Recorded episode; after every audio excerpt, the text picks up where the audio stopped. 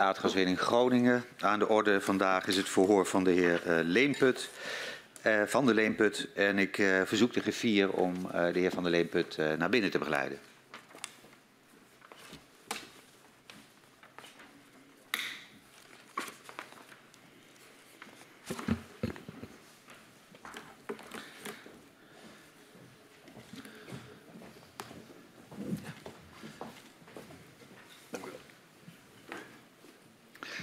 Welkom, meneer Van der Leenput en ook uw begeleider, de heer Veldhuizen, hier in aanwezigheid van de parlementaire enquêtecommissie Aardgaswinning Groningen. 60 jaar gaswinning heeft Nederland veel gebracht, maar kent zeker voor gedupeerde schaduwkanten. Uh, de commissie onderzoekt hoe deze schaduwkanten hebben geleid tot het besluit om de aardgaswinning in Groningen te stoppen. Uh, we willen weten hoe de besluitvorming op cruciale momenten is verlopen. Hoe private en publieke partijen hebben samengewerkt in de gaswinning. Uh, we onderzoeken de aardbevingen en de ontwikkeling van kennis daarover. De afhandeling van schade uh, veroorzaakt door de bevingen. En het proces van het uh, versterken van gebouwen in de provincie Groningen. We staan deze week stil bij ja, de zware beving in Huizingen. en ook alle ontwikkelingen die daarna hebben plaatsgevonden. Ook wel de ontwikkelingen die daarvoor afgingen. En u was in die periode directeur bij de NAM. Um, u ziet als directeur ook de schademeldingen snel toenemen. Uh, en uh, u hoort ook het advies van het SODM, waar we de afgelopen twee dagen uitvoerig uh, bij stil hebben gestaan over wat te doen na deze zware beving bij Huizingen. U wordt gehoord als getuige en dit verhoor vindt plaats onder Ede. U heeft gekozen de belofte af te leggen en dat betekent dat u de gehele waarheid en niets dan de waarheid zult zeggen. En ik verzoek u daarom om te gaan staan en mij na te zeggen, dat beloof ik. Dat beloof ik. Dank. Dan staat u nu onder Ede. Mag u weer gaan zitten. Uh, het verhoor met u zal worden afgenomen uh, door uh, mijn collega's mevrouw Kuik en Katman. En mogelijk dat de heer Quint aan het einde van het verhoor ook nog een aantal vragen heeft. Is dat duidelijk voor u? Ja hoor. Dan gaan we van start. Meneer Van der Leeput, u was tussen 2009 en 2014 directeur van de NAM en daarmee verantwoordelijk voor de gaswinning uit het Groningenveld. En daarvoor werkte u uh, in 19, sinds 1991 bij Shell. En na uw tijd bij NAM gaat u ook weer bij Shell uh, werken. In dit verhoor willen we het met u hebben over de Groningse gaswinning en de relevante zaken die spelen in uw jaren als NAM-directeur. Zoals ik al zei, voor uh, 2009, uh, dat u begon als NAM-directeur, werkte u 18 jaar in verschillende functies uh, bij Shell en NAM. Wat voor functies heeft u in die periode vervuld? Bij Shell bedoelt u? Ja. Uh, ik ben begonnen bij technische functies in het laboratorium van Shell. Daarna overgeplaatst naar het Midden-Oosten. Weer technische functies te maken met het, het, winnen van aardgas, winnen van aardolie. Mm -hmm. uh, terug naar Nederland gekomen, daar een tijdje gewerkt in Shell Nederland. Dat ging over aardgasverkopen in Nederland. Um, hoofd, de, of ja, dat was NAM, hoofddevelopment Groningen geweest. Um, daarna, even kijken hoor, dan hebben we het even over, ja, dan zijn we in 2000 aangeland ongeveer. Um, verhuisd naar Maleisië, daar uh, technisch directeur, dus nadenken over investeringen in de regio. En de regio was toen de driehoek Pakistan, China, Nieuw-Zeeland. Mm -hmm. uh, terug naar Europa en daar uh, gezamenlijke ondernemingen, partner operator ventures in Europa beheerd en vervolgens NAM-directeur. Ja, in 2009 wordt u NAM-directeur. Ja. Um, welke zaken speelden er bij NAM toen u directeur werd? Um, wat er speelde was de, bijvoorbeeld de heropening van het Schonebeekveld. Dat is een groot project geweest, daar was het een en ander mee te doen. Uh, wat daar ook mee speelde daarna was de uitbreiding van de ondergrondse gasopslag op Norg. Van hoe -hmm. groot moet dat en hoe zorg je ervoor dat het project goed liep. Ja, en in 2012 kwamen huizingen, heel, de bevingen heel sterk op, dit, uh, op de bril. Ja. Um, wij begrijpen ook dat uh, NAM-directeuren naast hun directeurschap ook een functie bij Shell bekleiden. Um, Daarnaast uh, keerde u in uw na uw periode als NAM-directeur weer terug bij Shell. Um, hoe verhield uw directeursfunctie bij NAM zich tot uw functie bij Shell? U bedoelt daarna, tijdens? Nou, we hebben uh, vernomen dat um, uh, bijvoorbeeld um, andere directeuren ook een andere functie hebben uh, bij Shell tijdens het feit dat op het, ze directeur zijn. Moment. Ja. ja. dat is een tijdje geweest. Initieel was dat niet zo. Mm -hmm. Dat is toen wel weer geweest. En op een zeker moment is dat weer ook afgeschaft. Ja. Toen ik bij NAM begon, had ik twee rollen. Dat was ja. Partner Operated uh, Ventures, dus uh, gezamenlijke ondernemingen in Europa. En NAM-directeur. Dat is er halverwege, zijn die Partner Operated Ventures er afgegaan en ben ik fulltime NAM-directeur geworden. Oké, okay, dus in het begin had u eigenlijk twee rollen? Klopt. Um, en, en, is dat gebruikelijk dat dat. Nou, we hadden toen een, uh, een enige samenwerking binnen Europa, van de Shell-bedrijven binnen Europa. Mm -hmm. Dus daar viel uh, NAM als gedeeltelijk Shell-bedrijf onder, maar ook uh, het bedrijf in het Verenigd Koninkrijk, het bedrijf in Noorwegen.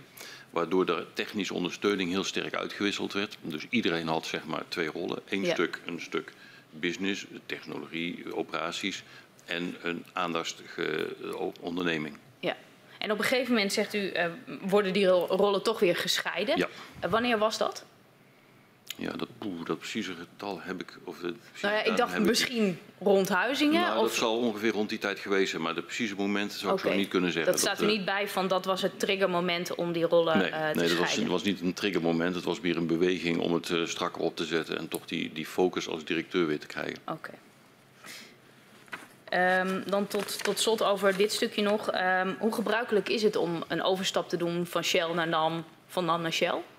Nou, NAM is een ander bedrijf dan Shell. NAM is een uh, gezamenlijke onderneming met ESSO. 50% NAM, 50% ESSO. Uh, maar het wordt wel door Shell geopereerd. Mm -hmm. Dat is in de olieindustrie gebruikelijk dat in zo'n gezamenlijke onderneming één partij als operator optreedt. En dat wil dan zeggen dat de systemen van die partij gebruikt worden. Dus de veiligheidssystemen, personeelsadministratie, noem maar op. En een gevolg daarvan is ook dat het overstappen van medewerkers van Shell naar NAM en van NAM naar Shell veelvuldig voorkwam. Naar ESSO is dat niet onmogelijk, maar dat was toch vrij zeldzaam. Ja, oké. Okay. Dus uh, het komt vaak voor dat de medewerkers van Shell bij NAM terechtkomen en andersom. Ja. ja. ja. We willen stilstaan bij uw beginperiode als uh, directeur. Dus vooral wat er speelde in de jaren voor de beving bij Huizingen, die plaatsvindt uh, in augustus 2012. Welke kennis had NAM toen over de seismische risico's van gaswinning, dus voor de beving in Huizingen?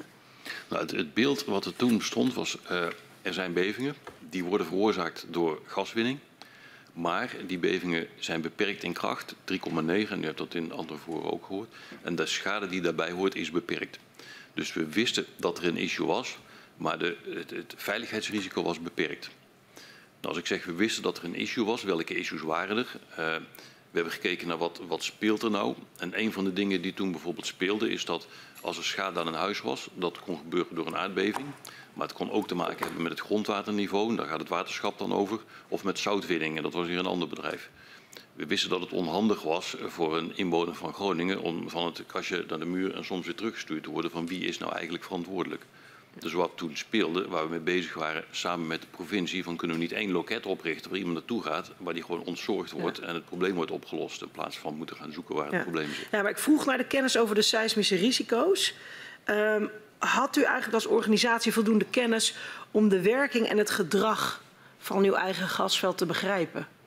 Um, nou, wat ik al zei, ik denk dat we toen, ja, ik denk, toen leefden we onder het uh, de perceptie 3,9 is een maximum.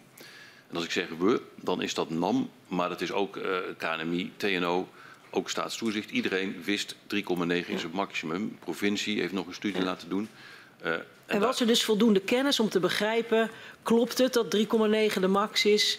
Uh, was er voldoende kennis om dat bij te staven of om echt alle risico's die daaronder hangen uh, in kaart te hebben? Nou, we dachten toen van wel. Uh, in hindsight uh, hadden, waren we op zijn minst niet nieuwsgierig genoeg, denk ik. Want na Huizingen zijn we nog eens ingedoken. Uh, Staatstoezicht als eerste en de rest is heel snel gevolgd. En kwamen we erachter dat het, die 3,9 dat dat niet zo, dat, ja, die stond niet zo stevig als we dachten. Want hoeveel dus, onderzoek deed er NAM naar seismische risico's? Nou, dat, we gingen uit op de mening van KNMI als zijnde de experts op dit gebied. Dus geen eigen onderzoek? Nee. De, en maar u zei eigenlijk wel van we dachten dat we voldoende kennis in huis hadden. Maar dat was dus niet gebaseerd op eigen onderzoek. Dat was gebaseerd op extern onderzoek. Ja.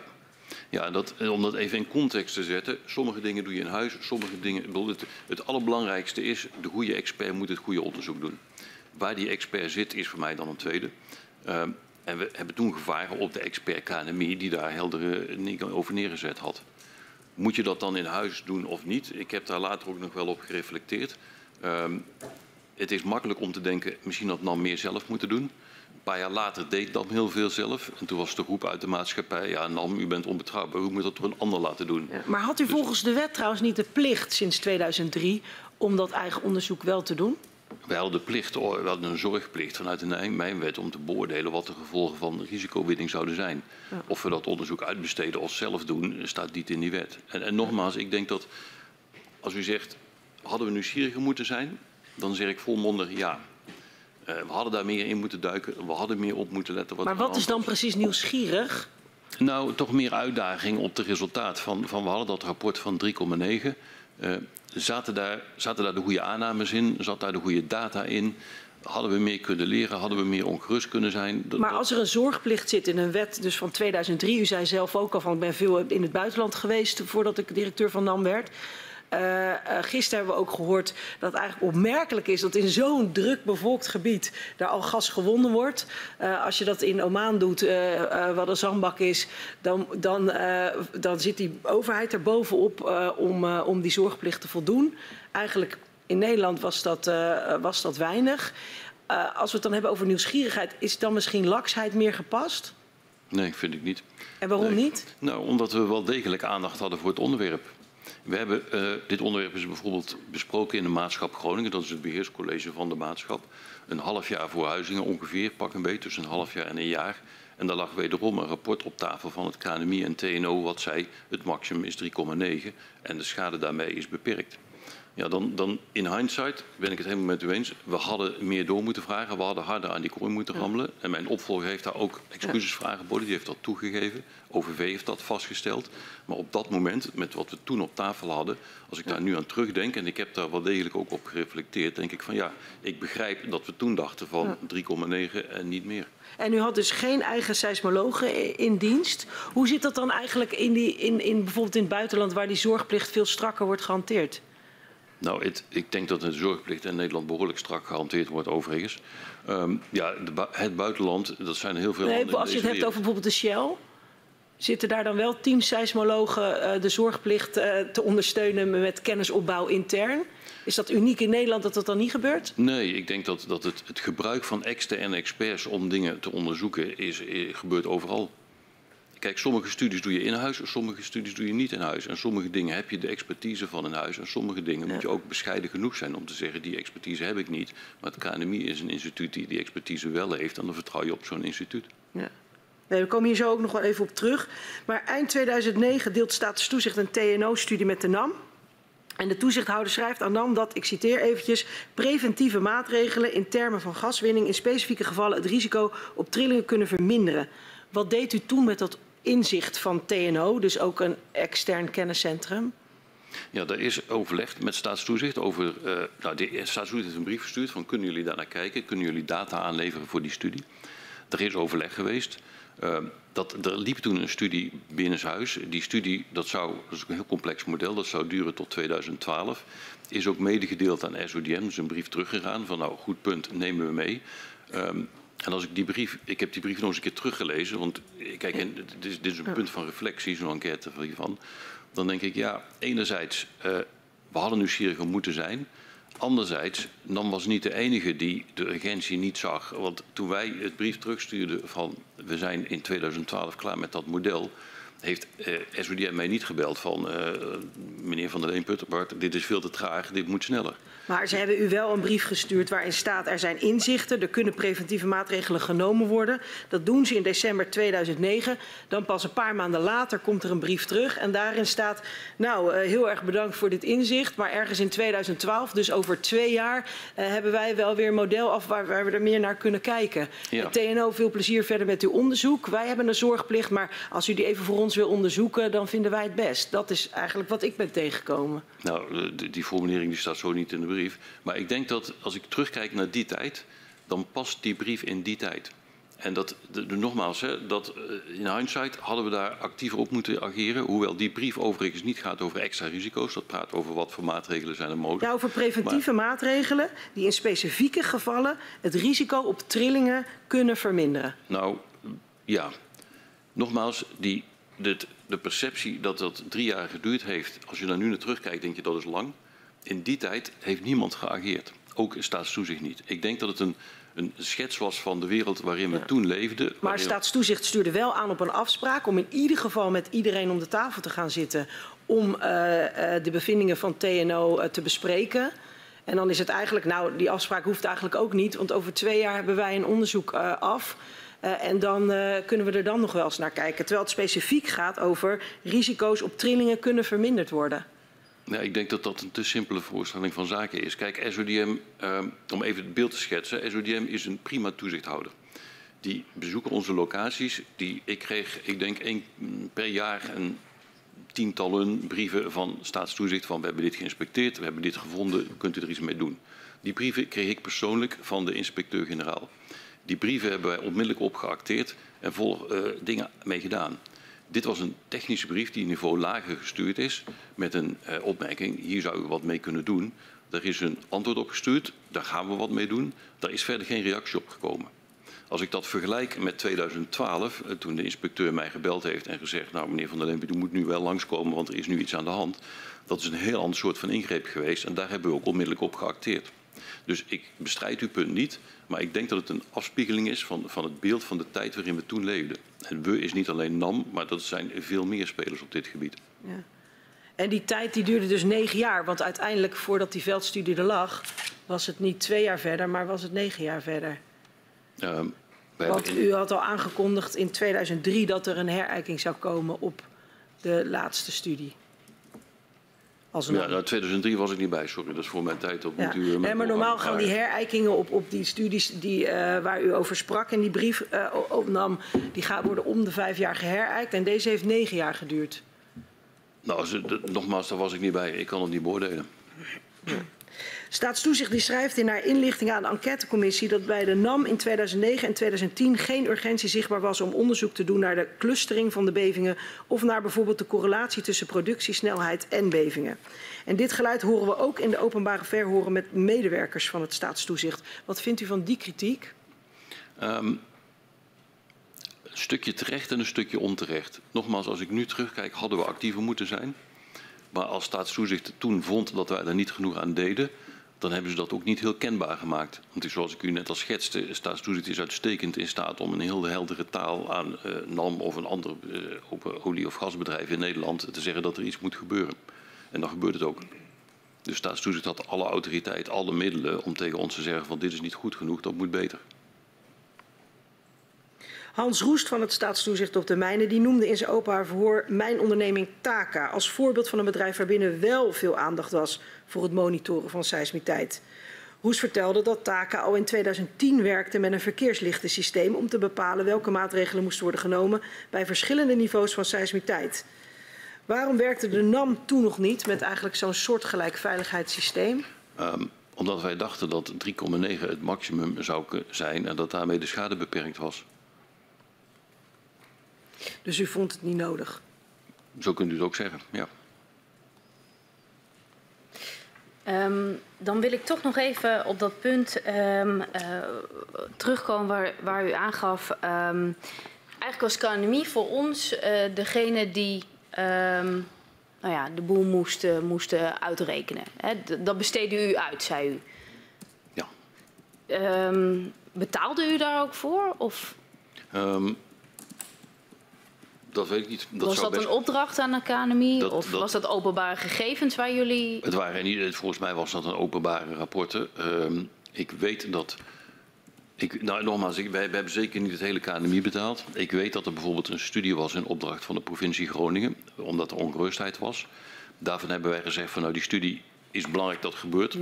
Daar moet NAM zich niet mee bemoeien. Nee. Die heeft NAM wel gefinancierd op Ja. afstand. Oké, dus dat was wel een opdracht eh, die werd geformuleerd door NAM of was dat niet zo? Nou, ik denk dat in dit geval die door Groningen ge- ge- geformuleerd is. En ik, ik denk, maar dat weet ik niet zeker, dat Ja. er ook wel opdrachten vanuit NAM geweest zijn. Oké, eh, dus u geeft aan, u, u besteedde eh, bepaalde eh, expertise uit. De, de Ja. KNMI was daarvoor. Ehm, eh, dan toch mijn vraag, in hoeverre eh, kon u binnen NAM en eh, Shell misschien ook wel... ehm, beoordelen en begrijpen eh, wat de KNMI eh, aanleverde?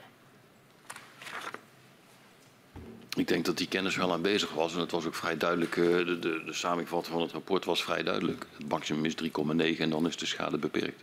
Ja, want ehm gisteren hebben wetenschappers wel eh, in de verhoren uitgelegd eh, hoe die maximale magnitude nou geïnterpreteerd moet worden. En zij benadrukken dat die 3,9 geen harde bovengrens was.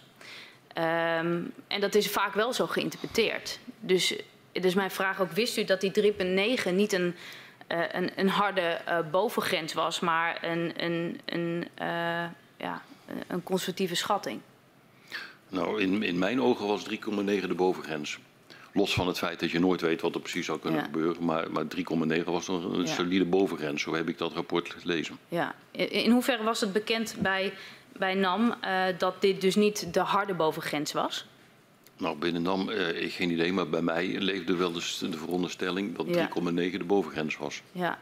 Eh, Is er dan voldoende kennis in huis om, om, om dat goed te interpreteren, die 3,9? Als er wordt gezegd eh, door de wetenschappers, maar dat is dus niet de maximale bovengrens. Terwijl u aangeeft, bij mijn weten was dat wel zo. Ja, nou, dat, kijk, dat heeft dan niet alles te maken met de kennis in huis of niet. Dat heeft te maken met de communicatie rondom de resultaten.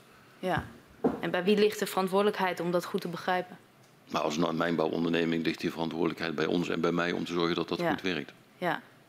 Ehm, en wat, wat, wat zegt u daar dan van, als dat toch niet eh, één op één is?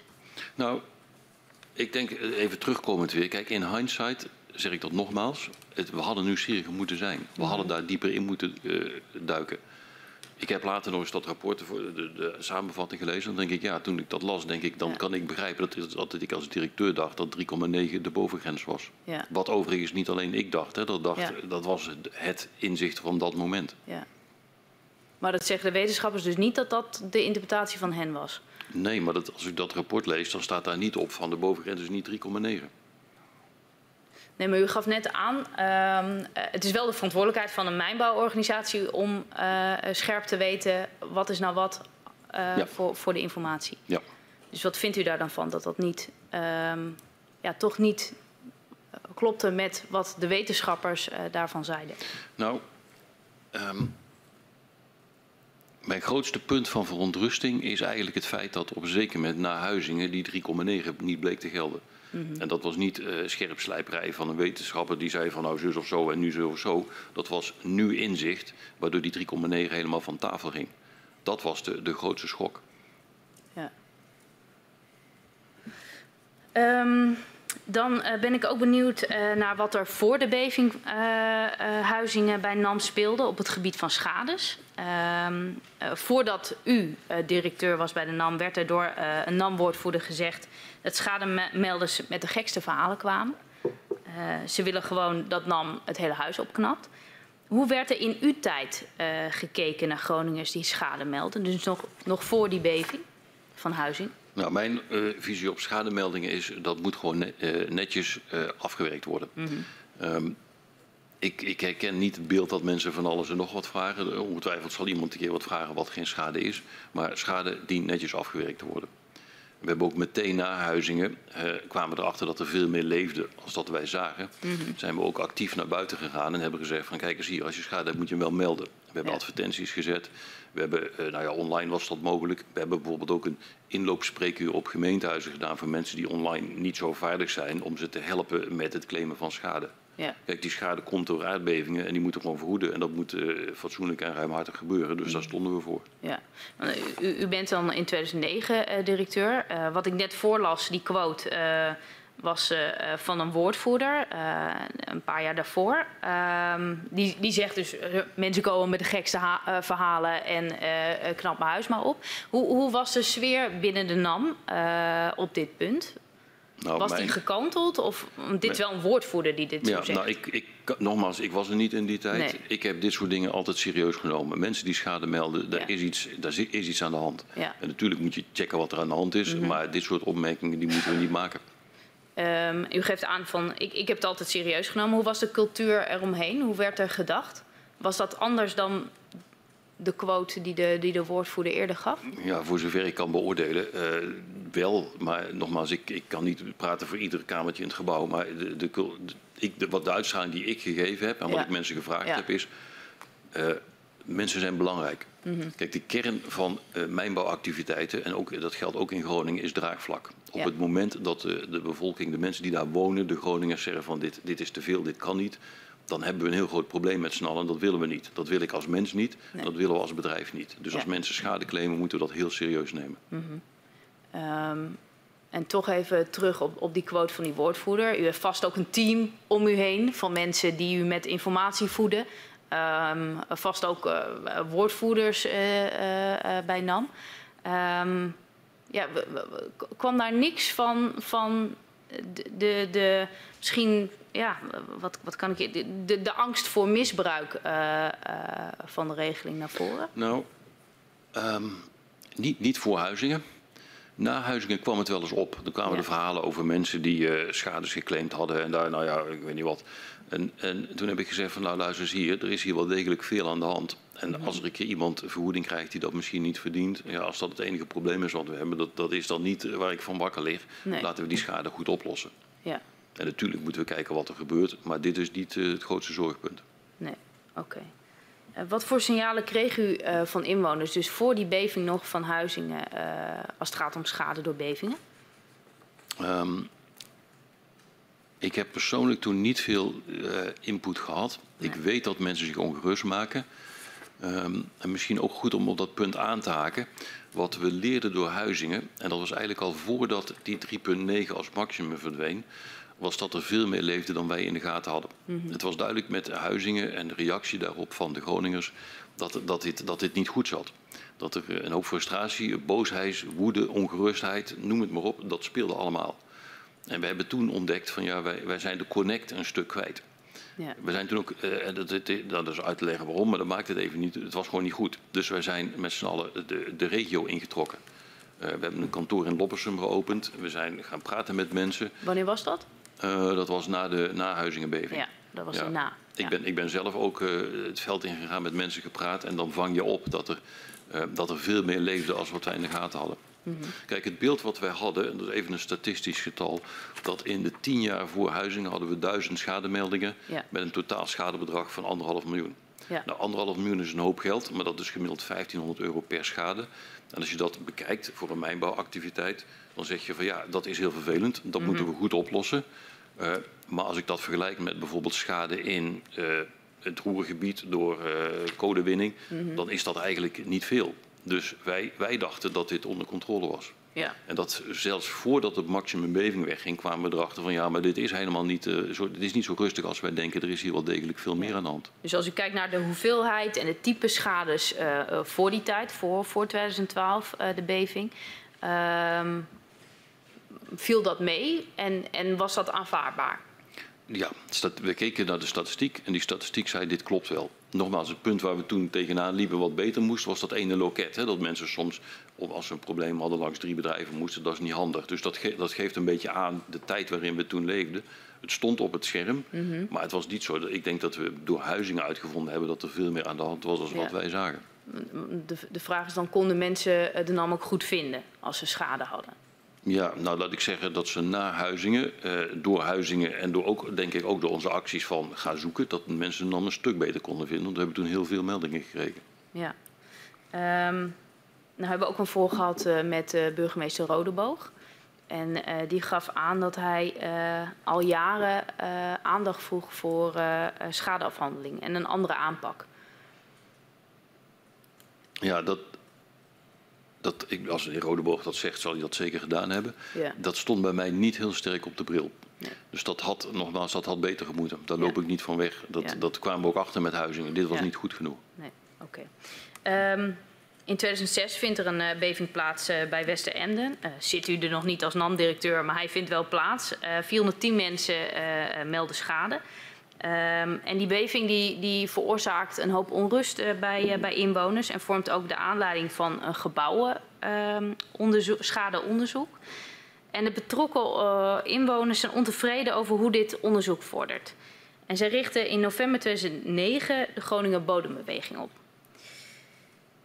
Hoe keek u naar de oprichting van die Groninger Bodembeweging?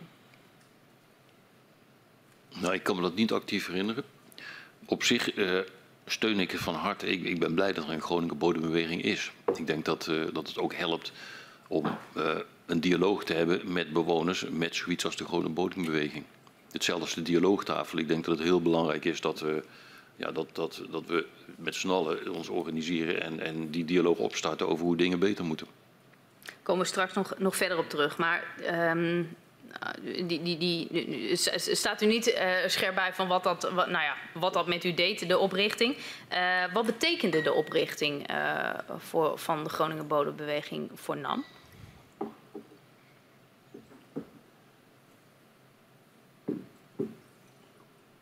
Ik zit te denken hoor, wat, wat, wat u precies bedoelt of wat ik daarop goed kan antwoorden. Zette het iets in gang of... Wat, ja, of... Nou, dat, dat, het zou best kunnen dat het, dat, dat het punt wat ik net aanstipte over dat ene loket mede kwam door de Groningen Bodembeweging. Mm -hmm. um, ik weet, ik kan me niet zo 1, 2, 3 herinneren van hierdoor hebben we dat nee. gedaan. Nee. nee. Oké. Okay. Um, de commissie Bodemdaling merkte in 2011 op dat er inwoners zijn die vraagtekens zetten bij de objectiviteit van het schadeproces. Uh, omdat NAM uh, als veroorzaker zelf uh, de, de aardbevingsschade afwikkelt. Wat vond u van die kritiek? Um, nou, die kritiek is later vaak teruggekomen hè, in de schade van hoe, kan het, NAM slaakt kort zijn eigen ja. vlees, dat, dat thema. Um, toen dit proces begon, post-Huizingen, hadden we zoiets van, uh, dit is niet goed, hier moeten we iets aan doen. Mm -hmm. We hebben dus de mouwen opgerold, we hebben dat schadeproces, schadeproces aangepakt en we hebben het beter gemaakt. Ja. Ik noemde u al inloopspreekuur voor mensen om schade aan te geven. We hebben gezegd, we moeten schade ruimhartig vergoeden. We hebben ook gevallen gehad waar we zeiden van, uh, we hebben hier schade, dit is heel schijnend, maar het heeft eigenlijk niks met bevingen te maken. Ja. Toen hebben we een fonds schijnende gevallen ja. opgericht, ver weggezet van NAM om dat soort mensen te helpen. En dat, maar dit was na Huizingen, maar ja. ik, ik, ik vraag nog voor, voor Huizingen. Want toen nee. kwam die kritiek ook al. Ja, nou die kritiek is toen nog niet doorgekomen, nee. maar na Huizingen uh, wel doorgekomen en hebben we daarop geacteerd. Ja. Dus, oké, okay, die, die, ja, dus voor mijn helderheid, die kritiek kwam voor Huizingen eigenlijk nog niet door. Um, en dat leverde ook niet discussie op of, over de vraag hoe kunnen we nou op een onafhankelijke manier die schadeafwikkeling doen. Nee, nee die nee. kwam later. Ja. Moet ik dat nu even toelichten of komt u daarop terug? Of? We, we, we, we hebben nog een hoop vragen, dus uh, mag, mag ik toch even heel we komen, we komen in de tijd komen ik, ik we, komen we verder. Ja. Ja. Want dan ga ik nu in ieder geval met u verder in de tijd. Uh, donderdag 16 augustus 2012 de dag van de beving in Huizingen, magnitude 3,6. Hoe was de sfeer binnen NAM direct na de beving? Nou, wij zijn er enorm van geschrokken. Van de beving, maar ook vooral van de reactie van, van de mensen die daar woonden. De ongerustheid, de mensen die hun huis uitrenden van wat is hier aan de hand. Uh, dat is heel hard aangekomen. Duidelijk bij de bewoners van Loppersen en omgeving, maar ook binnen NAM. Want hoe hebben uw eigen medewerkers de, de beving meegemaakt? Um, nou, ik denk dat uh, een mooi citaat van de woordvoerder, die toen vlak daarna in Vita Nova was, die zei daar, dit is, deze beving heb ik zelf gevoeld. Hij woont in Assen, hij heeft niet de beving gevoeld, maar hij heeft de reactie van de mensen gevoeld. En dat was heel duidelijk, dat was niet goed. Dus daar moest op ingegrepen worden. Wat we ook onmiddellijk gedaan hebben. Dus het heeft wel een behoorlijke schok teweeggebracht. Ja. En, en, en welke signalen kreeg u van Groningers over, over de beving? Nou, de persoonlijke ongerustheid van de mensen. Dat, was, dat, heeft mij aangegrepen en dat heeft NAM aangegrepen. En, en hoe kreeg u die binnen of, of hoe, hoe bereikt u dat? Nou, gewoon met mensen praten, de, erop uitgaan. Uh, maar was dat dan meteen in augustus? De, de, de, of of de, de volgende dag? Of, uh... Nou, of het de volgende dag was, weet ik niet. Maar wij zijn wel vrij snel de regio ingetrokken. En, en we hebben, nou, ik heb met mensen gepraat en, en verhalen gehoord van ja, ik, ik voel me niet veilig in mijn eigen huis. Uh, ik durf mijn kleinkinderen niet meer te logeren krijgen. Dus dat is het soort impact waar we het over hebben. Kijk, we een statistiek doen over balken en sterken en noem maar op. Maar dit is, dit is wat mensen voelen en dat, ja, dat is heel veel. En was dat ook meteen eigenlijk in augustus duidelijk? Uh, dat heeft zich ontwikkeld. Als u mij nou vraagt op welke dag was wat duidelijk, dat weet nee. ik niet precies. Maar de posthuizingen zijn dit soort indrukken heel sterk geweest. Ja. Dus, dus wat betekende de beving bij Huizingen voor NAM? Nou, dat dit een heel sterke realisatie dat dit beter moest. En dat was overigens. En, en wat is dan dit? Nou, schadeafhandeling, ongerustheid van mensen, daar moesten we wat mee doen. En, en er zat niet een besef van dit, daar viel niet zeg maar de gaswinning in? Nou, nee, dat was later gekomen. Hè? Want op een zeker moment is het. Want eerst hebben we ontdekt, er leeft veel meer dan we denken. En een paar maanden later daalde het in. Die 3,9 is niet zo, die, die is weg. Die, het kan sterker worden en we weten niet hoe sterk. Dus dat is een, een latere stap geweest. Maar daarvoor waren we al druk bezig met verbeteren van schadeproces en, en betere contact met de bevolking. Ja, dus er was het, het besef van, van ongerustheid bij bewoners en daar kregen we signalen van. Ja. Werknemers die het eigenlijk zelf, uh, uh, zelf hebben gevoeld. En dan is er vooral, voor NAM betekent dat dus vooral het besef van we moeten dit met die schadeafhandeling doen, beter doen, we moeten met mensen praten. Maar er zat nog niet van, oh, als dit uh, het gevolg is van het risico wat we van gaswinning lopen, dan moeten we daar iets mee. Dat kwam later. We zijn toen gaan kijken en uh, alle credit voor SODM, die is de eerste die gezegd heeft van nou die 3.9 klopt niet. Ze hadden gewoon gelijk. We hebben die studie opgepikt, de KNMI heeft dat opgepikt, iedereen is aan de slag, uh, aan de bak gegaan. En toen, toen daalde het in van ja, dit risico is groter dan we dachten. Ja. Dat is het technische verhaal, het technische risico. Dus dat, ja. ja. Ja, en, en ik, ik doe meer op dus niet het technische risico, maar juist in de praktijk. Van Huizingen laat in de praktijk zien welke risico we eigenlijk lopen met een max magnitude van 3,9. Veel ongerustheid, veel ja. schade. Uh, ja, dus dat zijn, ik denk dat u terecht zegt, dat zijn twee elementen. Er is een technisch verhaal en dat is hoe de mensen dat beleven. En, en beide zijn absoluut belangrijk. Want het technische verhaal, dat, dit is gewoon absolute veiligheid, dat is heel belangrijk. Uh, maar hoe mensen het beleven is super belangrijk. En ik denk dat u dat ook aangeeft. Ja, dus uh, ja, u heeft al een beetje aangestipt, maar kunt u iets dieper ingaan op van hoe verschilde nou die beving bij Huizingen van eerdere bevingen? Ook voor de NAM, ook voor, voor nou ja, wat, wat zag u gebeuren? De impact op de mensen was groter. De, de, het, kijk, je kunt het hebben over aantal schadegevallen en zo, dat zal allemaal wel, maar de, de acute ongerustheid van wat is hier aan de hand en wat overkomt ons hier, was vele malen groter dan wat we ja. daarvoor meegemaakt hadden. Dus het, het, de, de, de menselijke impact van het dossier werd een stuk zwaarder daardoor. Ja. En, en, wat voor acties neemt u dan als u dat zegt? Van, we zagen die menselijke impact, werd veel groter. Wat, wat, wat doe je dan als, als bedrijf? Wat voor actie onderneem je dan? Nou, we hebben, we hebben de mouwen opgestroopt. We moeten zorgen dat we, um, dat we de, de schade goed afwerken. We moeten zorgen dat die veiligheid terugkomt. We moeten voorlichting geven aan mensen. Want als dit het soort beving is waar we het over hebben, dan heeft dat een zeker risico. En dat moeten we managen door, door ook voorlichting te geven van hoe dit zit. Uh, en we moeten dus goed nadenken over hoe dat nou zit met die sterkte van die bevingen. En wat doet u daaraan dan? We moeten kijken hoe het zit met de sterkte van de bevingen. Dacht u dat gelijk al? Nou, dat is vlak daarna gekomen. Zoals ik al zei, getriggerd door staatstoezicht. En toen zijn we daar vol in gegaan en een enorm studieprogramma opgetuigd om beter te begrijpen wat er aan de hand is. Ja, dus dat was later in 2013? Nou, dat is, dat is in 2012 hebben we dat al begonnen met dat opstarten. Meer data verzamelen. We waren al bezig met data verzamelen, maar dat zijn we toen wel een tandje hoger gaan doen. Ja. Want in de, in de brief die wij schreven in december stond die hele lijst van dingen al in. Dat is niet pas in 2014 begonnen. Nee, nee want u begint concreet met drie stappen. Het aanpassen van het schadeproces, daar wilt u aan werken het uh, schade door aardbevingen beter begrijpen en zoveel mogelijk voorkomen of beperken. En draagvlak voor gaswinning in, uh, in Groningen um, uh, vergroten. Ja. En wat bedoelt u met dat derde? Nou, wat ik net al zei, zonder draagvlak kunnen we niks doen. En moeten we ook niks willen doen. De draagvlak is heel belangrijk in, in de maatschappij. Ehm, waar wij toen waren is van nou, die, wat we doen hier heeft heel veel impact op de bevolking. We moeten dat dus zo proberen te doen dat de bevolking daar daar oké okay mee is en eigenlijk ook beter van wordt. Dus hoe kunnen we nou zorgen dat dit, uh, deze overlast, laat ik het zo even gewoon recht voor zijn raad noemen, dat dat iets lijkt wat beter is voor de bevolking.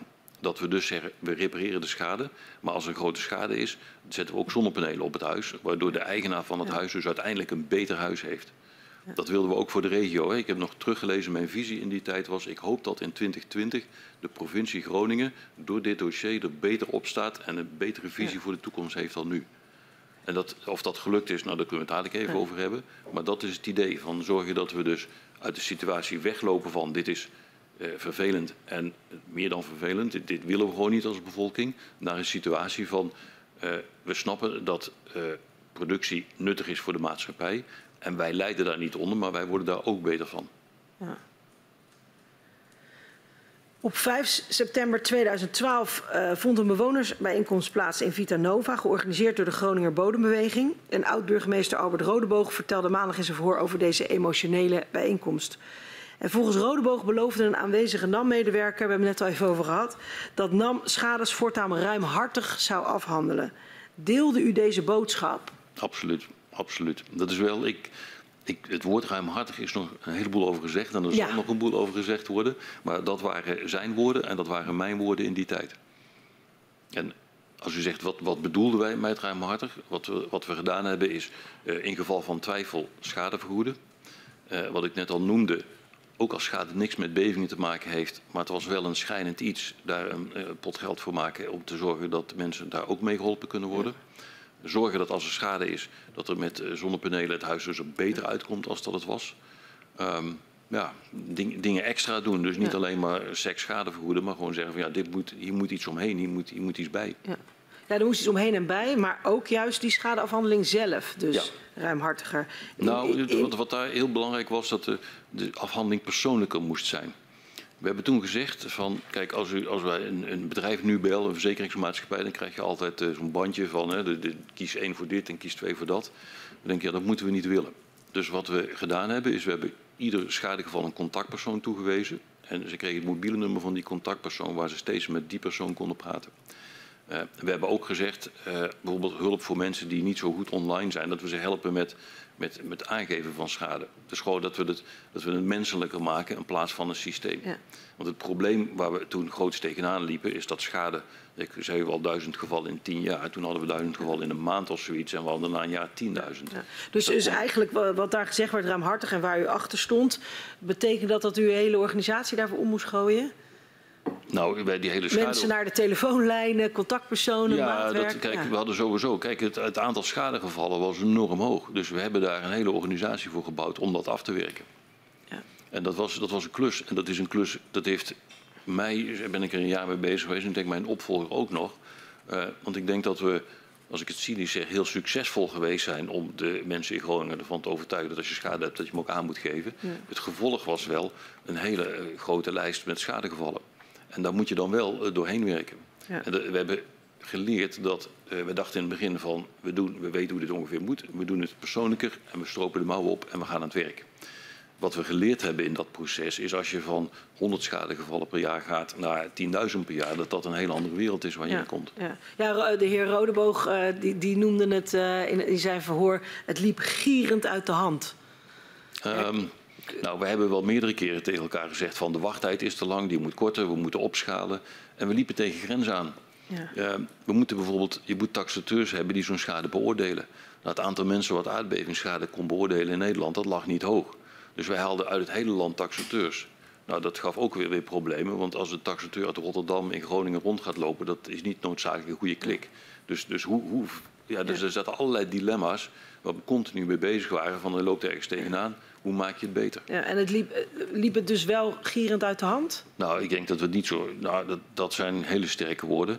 Maar ik denk dat het eh, niet zo soepel en snel ging als wij gehoopt hadden. Ja, want u was genoodzaakt om het na een paar maanden eigenlijk weer terug te schroeven. Hoezo terug te schroeven? Eh, de, de, de aanpak. Wij hebben begrepen in verhoor ook met de heer Rodeboog, die geeft aan van de, de, de ruimhartigheid is toegekend en er is ook heel veel gebeurd. Er is maatwerk geleverd, maar eigenlijk na een aantal maanden werd dat weer teruggeschroefd omdat het dus gierend uit de hand liep. Ehm, ik, ik- we hebben nooit gezegd we gaan naar ruimhartigheid terugschroeven. Waar we wel tegenaan liepen is op het moment dat we meer en meer mensen op het dossier hadden zitten die dus door de regio om schade te beoordelen, dat je merkt dat verschillende mensen verschillend oordelen. Dat geeft een enorm gevoel van rechtsongelijkheid en wa- waar mensen dan ook weer boos over worden en dat is heel begrijpelijk. Toen hebben we gezegd we moeten een handboek schade maken, een soort van protocol, die een soort van handleiding is van, van hoe dit aangepakt moet worden. Helaas is het zo dat op het moment dat je zo'n handboek schrijft, dat het maatwerk dan weer wat moeilijker wordt. Dus dat zijn dingen die we geleerd hebben. En, en dit is ja, best lastig, want je had heel veel schadegevallen. Ja. Je wil het consistent doen en je wil mensen maatwerk geven. Dus hoe moet je met dat dilemma omgaan? Dus kan ik dan concluderen dat, dat eigenlijk de Groningers het zo gevoeld hebben van eh, de, de aanpak is teruggeschroefd? Dat dat niet uw bedoeling was, maar dat u het wel moest reorganiseren? Is dat dan het goede woord? Nou, we hebben dit georganiseerd, gereorganiseerd en, opgeschaald en nog een keer opgeschaald. Dus het is zeker waar dat het in het begin eh, dat het zich gezet heeft hoe dit nou precies moest. Eh, de Groningers hebben het gevoeld Er zijn heel veel Groningers en die hebben het heel anders gevoeld. Ik heb mensen gesproken die waren uitermate tevreden met schadeafhandeling. Ik heb mensen afgesproken die waren heel boos. Uh, maar op uw directe vraag, hebt u ruimhartigheid teruggeschroefd? Nee, dat hebben we niet gedaan. Ik heb niet op een zeker moment gezegd van jongens, dit wordt te gek, we moeten ruimhartigheid terugschroeven. We hebben wel gezegd, uh, jongens, dit gaat te langzaam, we moeten opschalen. Ja. En we moeten zorgen dat we consistent zijn. Want we krijgen signalen van die meneer in de straat krijgt dit en die meneer krijgt dat. Ja, en dat kun je uitleggen, dat moet je niet willen. En waarom was dat zo belangrijk voor u? Ruimhartigheid. Of, of het... Ja, en het, en het oplossen van de schades en het sneller oplossen van de schades. Ja, nou, omdat we opereren in dat gebied. En dat kan alleen maar als het draagvlak is. En het is niet, niet zo heel moeilijk om te snappen dat mensen niet vrolijk worden van schade, A. En B, als het dan nog ook lang duurt en ingewikkeld is om het op te lossen, dat, uh, dat helpt niet om draagvlak te creëren. En dat moeten we ook dat moeten we niet willen. Hè. Kijk, wij produceren gas, daar heeft de Groningen verder, uh, zou daar eigenlijk niks van moeten voelen. En als ze daar wel wat van voelen, is dat al fout en dan moeten we dat snel doen. We hebben het gehad over hoe die uh, schademeldingen opliepen naar Huizingen. Uh, u gaf aan, uh, nou ja, we hebben ook veel eraan gedaan. Dus je zou kunnen zeggen, onze strategie was succesvol. Mensen wisten ons te vinden. Zou het ook niet omgekeerd kunnen zijn dat tussen 2003 en 2011 ehm, de mensen de NAM niet genoeg konden vinden? Dus dat er ten onrechte uh, geen schades werden gedaan. Geen, geen schademeldingen werden gedaan. Dat, dat was wel ons gevoel. Ja. Meteen na Huizingen, als je voelde wat er leefde, ja. hadden wij zoiets van, um, er leeft veel meer dan wij zien. Ja. En we hebben toen vrij actief gezegd ook van, nou, dat, dat is niet goed. Wat ik net al zei, kijk, uh, het is voor Nederland uh, fantastisch dat er gas uit Groningen geproduceerd wordt. Het kan niet zo zijn dat in Groningen dan mensen zitten die denken: ja, ik heb hier schade en ik doe er niks aan. Dus daarom, die, die drempel moest lager. Die conclusie hadden we inderdaad ja. getrokken toen. Ja, dus dat is wel besproken. Dan uh, begin 2013 doet TNO een analyse uh, in opdracht van NAM uh, naar de binnengekomen schademeldingen. Um, waarom wordt die opdracht gegeven aan, aan TNO of gevraagd aan TNO? Oeh, dat weet ik zo 1, 2, 3 niet. Kunt u me iets helpen waar de opdracht over ging? Ja, dat ging dus over um, een analyse van de gevolgen van de aardbevingen van Huizingen.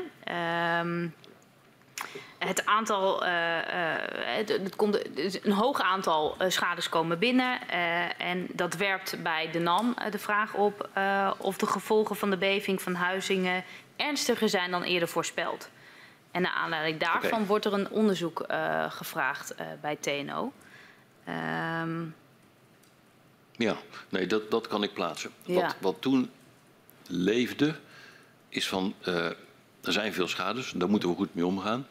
Aan de andere kant uh, is dit inderdaad het beeld. Want het beeld was toen van, het, het, uh, ja, ja, het zou allemaal beperkt moeten zijn. Ja. Dus klopt, is het beeld wel goed? Ja. Die nieuwsgierigheid die we daar vroeger niet hadden, zat er nee. toen wel in. Van wat is hier nou precies aan de hand? Leg eens uit. daarbij waren er lerend over schade uh, waren, dat, waren heel veel vragen die opkwamen. Van hoe zit dat? Hoe kan die schade er precies uitzien? Ook dat proces is heel veel leren geweest.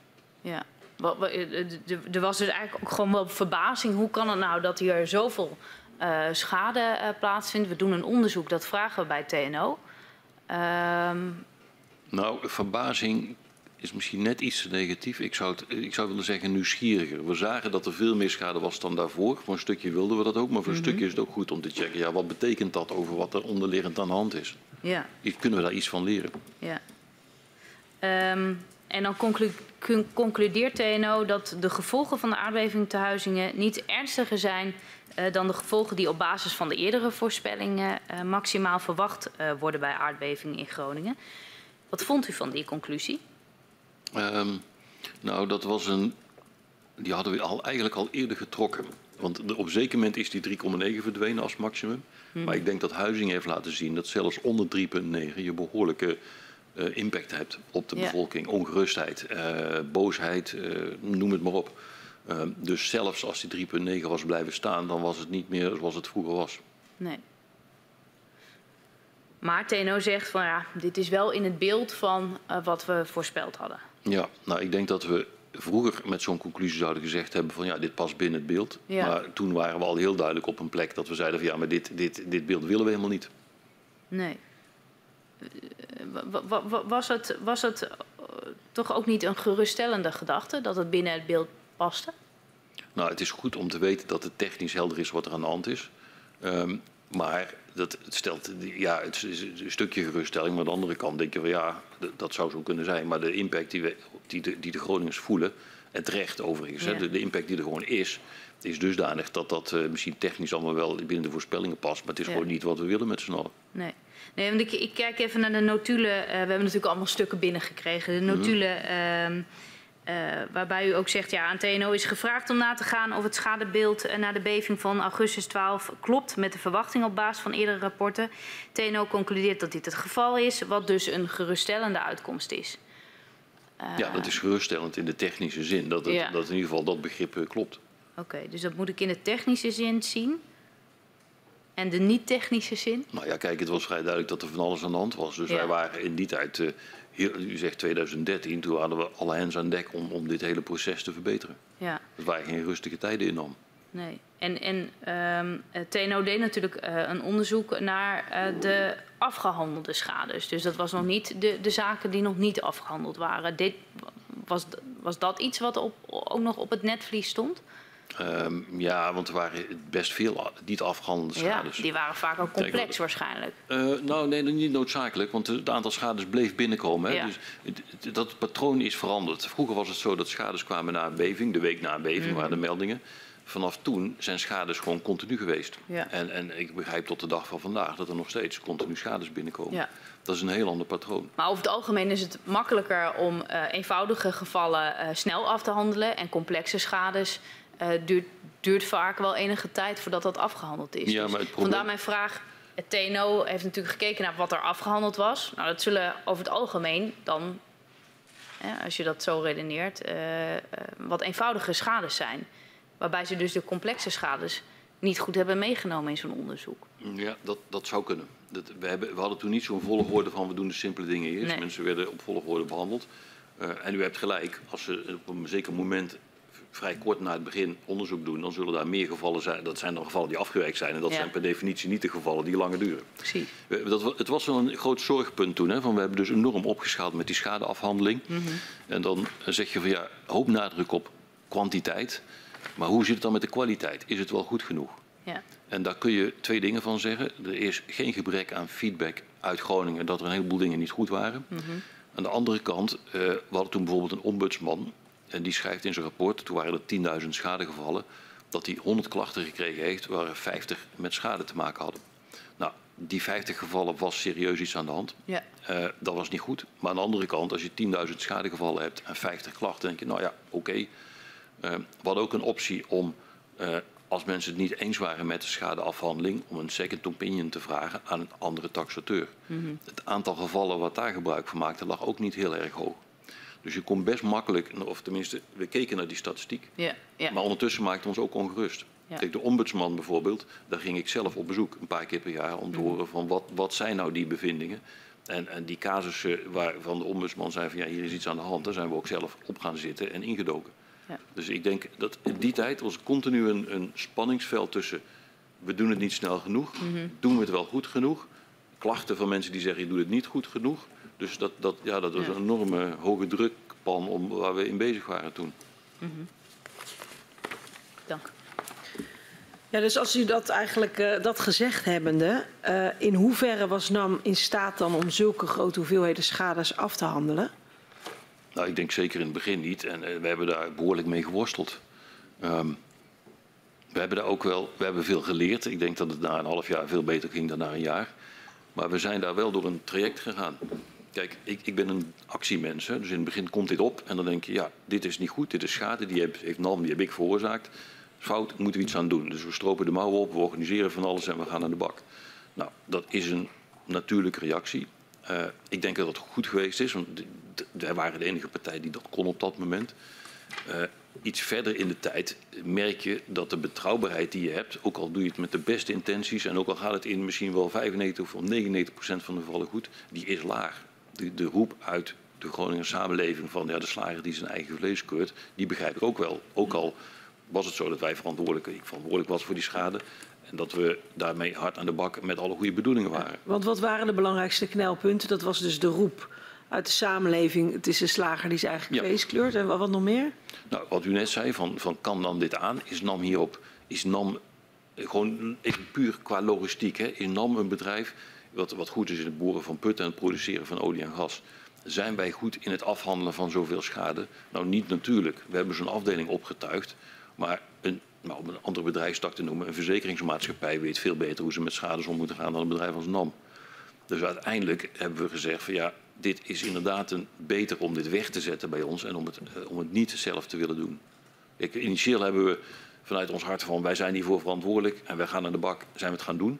Maar later daalde dat besef in van ja, we zijn niet de goede partij om dit te doen. Nee, want in de, in de notulen van het College van Beheer Maatschap lezen we dat u zich eind 2012 zorgen maakt over de hoeveelheid schademeldingen en de trage afhandeling van de schades. Ja, En, en waar maakt u zich de grootste zorgen over? Nou, precies wat u zegt. Kijk, ehm, die schades is vervelend genoeg. Als mensen die dan melden en het duurt een half jaar voordat daar een reactie op komt, ja, dat, dat is gewoon niet goed genoeg. Ja. Kijk, zo'n schade is wel iets wat je, wat je iedere dag voelt. Hè? Als iemand in zijn woonkamer een scheur in de muur heeft staan, dan zit je iedere dag tegen die scheur aan te kijken. Dan kun je wel zeggen, ja, nou ja, de scheur in de muur is allemaal niet zo belangrijk. Maar als je er iedere dag tegenaan kijkt, ja, dat is, dat is niet fijn. En, en, en, en die zorgen, eh, want u zei net al van, ja, dus we wilden het goed doen, het afhandelen van die schade, om draagvlak voor die gaswinning ehm, ehm, te, te behouden. Ehm, zat er hier ook een zorg bij, bij, bij het afhandelen van de schades? Hoe bedoelt u zorg? Een zorg voor draagvlak, van als we de schades niet goed afhandelen, dan... Dat is logisch. Zo, zo, zo. ja. Kijk, het, het eerste stuk was heel simpel. Hè? Dat, ja, toen ik met mijn moeder ging picknicken in het bos, als je er troep van maakt, moet je het opruimen. Nou, dat gevoel had ik hier persoonlijk. Zo van, kijk we hebben iets gedaan, dat is niet goed, dus dan moeten we aan de bak. Dus mouwen opstropen aan de bak. Nou, later denk je van, ja, ik werk hier wel hard aan en met mij de hele NAM. Maar als je kijkt naar het resultaat van hoe snel gaat dit nou, dan is dat nog niet wat je noemt eh, goede service Nee. voor, voor de Groninger. Ja, en Dus en welke, het- wat heeft u gedaan om, om die service te verbeteren? Nou ja, meer schade opschalen. eh, ja, en, en dus een continu proces. Als je die natuurlijk doorleest, dat kwam regelmatig. Het, wa- het was niet zo dat mensen dachten van dit is oké. Iedereen zei dit moet sneller. Wij zijn aan de bak gegaan, maar ja, dat was een klus. Ja, en dan in 2013 en 2014 dan zet NAM een aantal concrete stappen op schadegebied. Er komt een nieuw schadeprotocol en een handboek aardbevingsschade. En onderdeel hiervan is de schadecontour. Gemelde schades buiten deze contour neemt NAM niet meer in behandeling. Waarom werden deze stappen gezet?